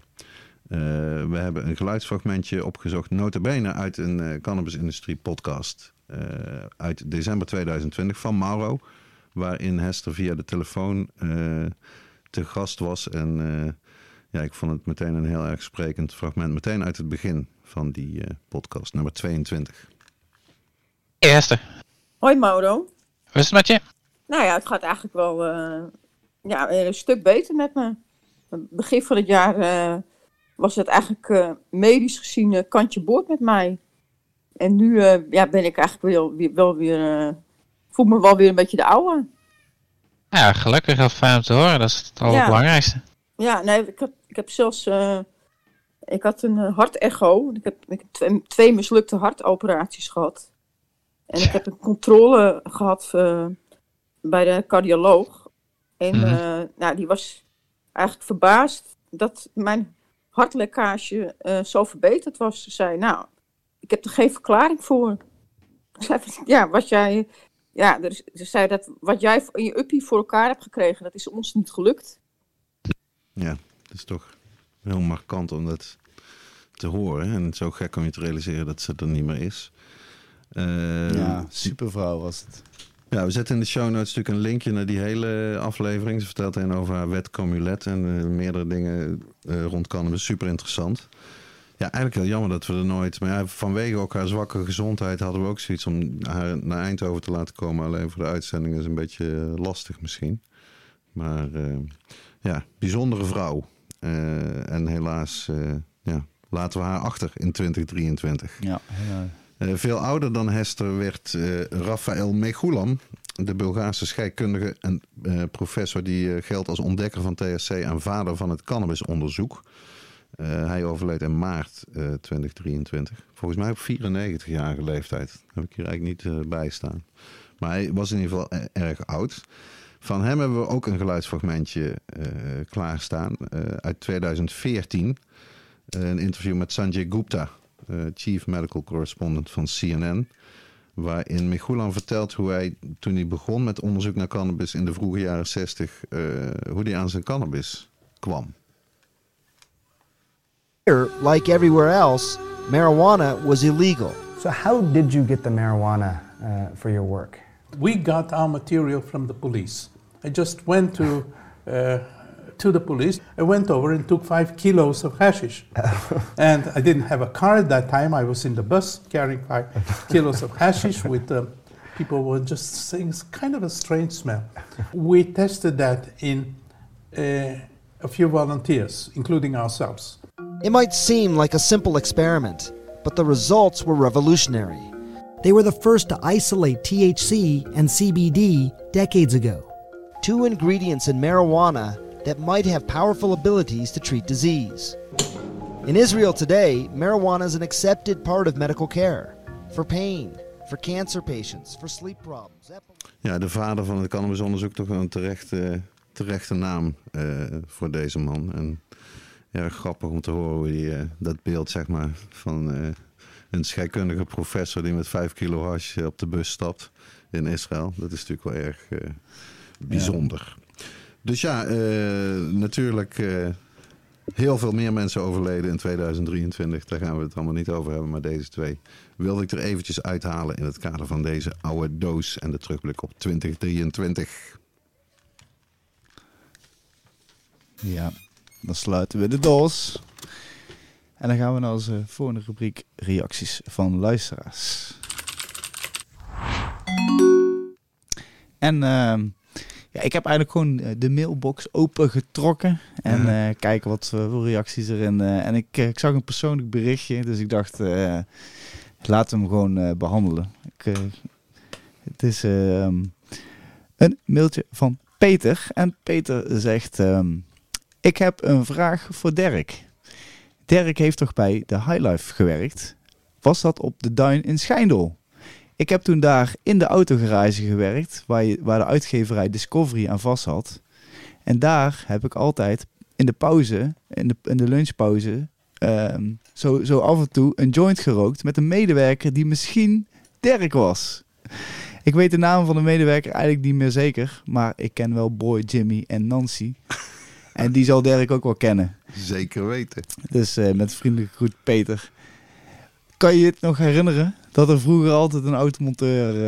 eh, Ik zal deze luisteraar helaas eh, teleur moeten stellen. Want eh, ik ben altijd, de, sinds ik ben begonnen voor Highlife, altijd als freelance gewoon werk vanuit mijn eigen huis. Ik kwam zelden of nooit op de uitgeverij. dus het is wel interessant wie dat dan in mijn plaats geweest moet zijn. Misschien Dave. Die wij onlangs ook weer eh, hebben ontmoet. Highlife, die ja. nog steeds weer, eh, of die eigenlijk terug is bij de Highlife sinds een aantal jaren weer. Zou kunnen zijn dat het Dave is, want dat is ook wel gewoon een echte blower. Maar ik kan eh, het zweren, ik was het in ieder geval niet, beste Peter. Sorry, ik dacht ik ga een heel mooie anekdote naar boven halen van iemand die had stiekem bij jullie zat te verschuilen en lekker in zijn pauze een jointje zat roken. Maar, Nee, ik ben al die jaren echt heel sporadisch maar op de uitgeverij geweest. Bij Boy was ik niet echt nodig. Je kon gewoon mailen. Ja, en ik kwam dan wel... Faxen, eh, misschien. Nou ja, Jouw da- da- tijd. daar gaan we uitgebreid over hebben in de aflevering met Joop Mestrom natuurlijk. Maar ik, ik zag hem natuurlijk wel. En eh, dus dat was belangrijk voor het creatieve aspect van het de maken vroeger van de Highlife. Maar met de uitgeverij zelf eh, hadden wij weinig te maken. Zo Ja. hoort het eigenlijk ook, hè? Dat Ja. dat niet eh Dat in elkaar overloopt. Ja. Ja, nou, het spijt me Peter. Ik kan je helaas geen goede antwoord geven. Maar hij heeft wel een mooie prijs, eh, onze prijs gewonnen Precies. met eh, deze vraag. We gaan zorgen dat er een leuk, eh, leuk pakket richting jou opkomt. Kun je in ieder geval eh, lekker voor de komende zomer eh, weer lekker kweken, misschien in je tuin. Altijd Sowieso. leuk. Dus, eh, en voor alle luisteraars, eh, heb je een vraag, een tip, een suggestie voor een gast of een andere reactie? Mail naar info@itpodcast.nl. Podcast gespeld met een T. En eh, natuurlijk kun je ook eh, mij een DM'tje sturen op Instagram of eh, reageren onder de comments. Ja, dat was hij. Zeker. Ja. En, We zijn er doorheen, hè? We zijn er alweer doorheen. Nou ja, alweer. We zijn al een tijdje onderweg. we hebben een flink eindje geluld. Een flink eindje. ja, het was schappelijk ieder geval. Ja, dan zijn we tot het einde gekomen van de eh, aflevering 83 van de IT Podcast. De laatste van 2023. Eh, ik wil Mauro bedanken, onze technicus en editor Simon. En eh, de sponsor van deze aflevering, Seedstockers. Betaalbare cannabiszaden voor thuiskwekers. Verkrijgbaar op www.seedstockers.com. Dankjewel Rens voor de co-hosting dit afgelopen jaar weer. Dank aan iedereen die luistert naar de IT Podcast, die ons liked en steunt. En wil je ons een keer live aan het werk zien? Dat kan nog één keer, vooralsnog tenminste, want wie weet wat er allemaal nog gaat gebeuren in 2024. Op zondag 21 januari 2024 doen we nog één keer bij Coffeeshop High Times eh, de podcast live. En dan is de gast Joop Mestrom, de eerste hoofdredacteur van High Life Magazine. Ex-hoofdredacteur van Essentie, founding father van cnnbs.nl en nog veel meer. Check onze website hightpodcast.nl voor meer informatie. En eh, misschien zien we je daar in Eindhoven. En anders eh, tot de volgende aflevering. Ja, de beste wensen allemaal voor 2024. En tot de volgende keer. Houdoe en bedankt. Houdoe.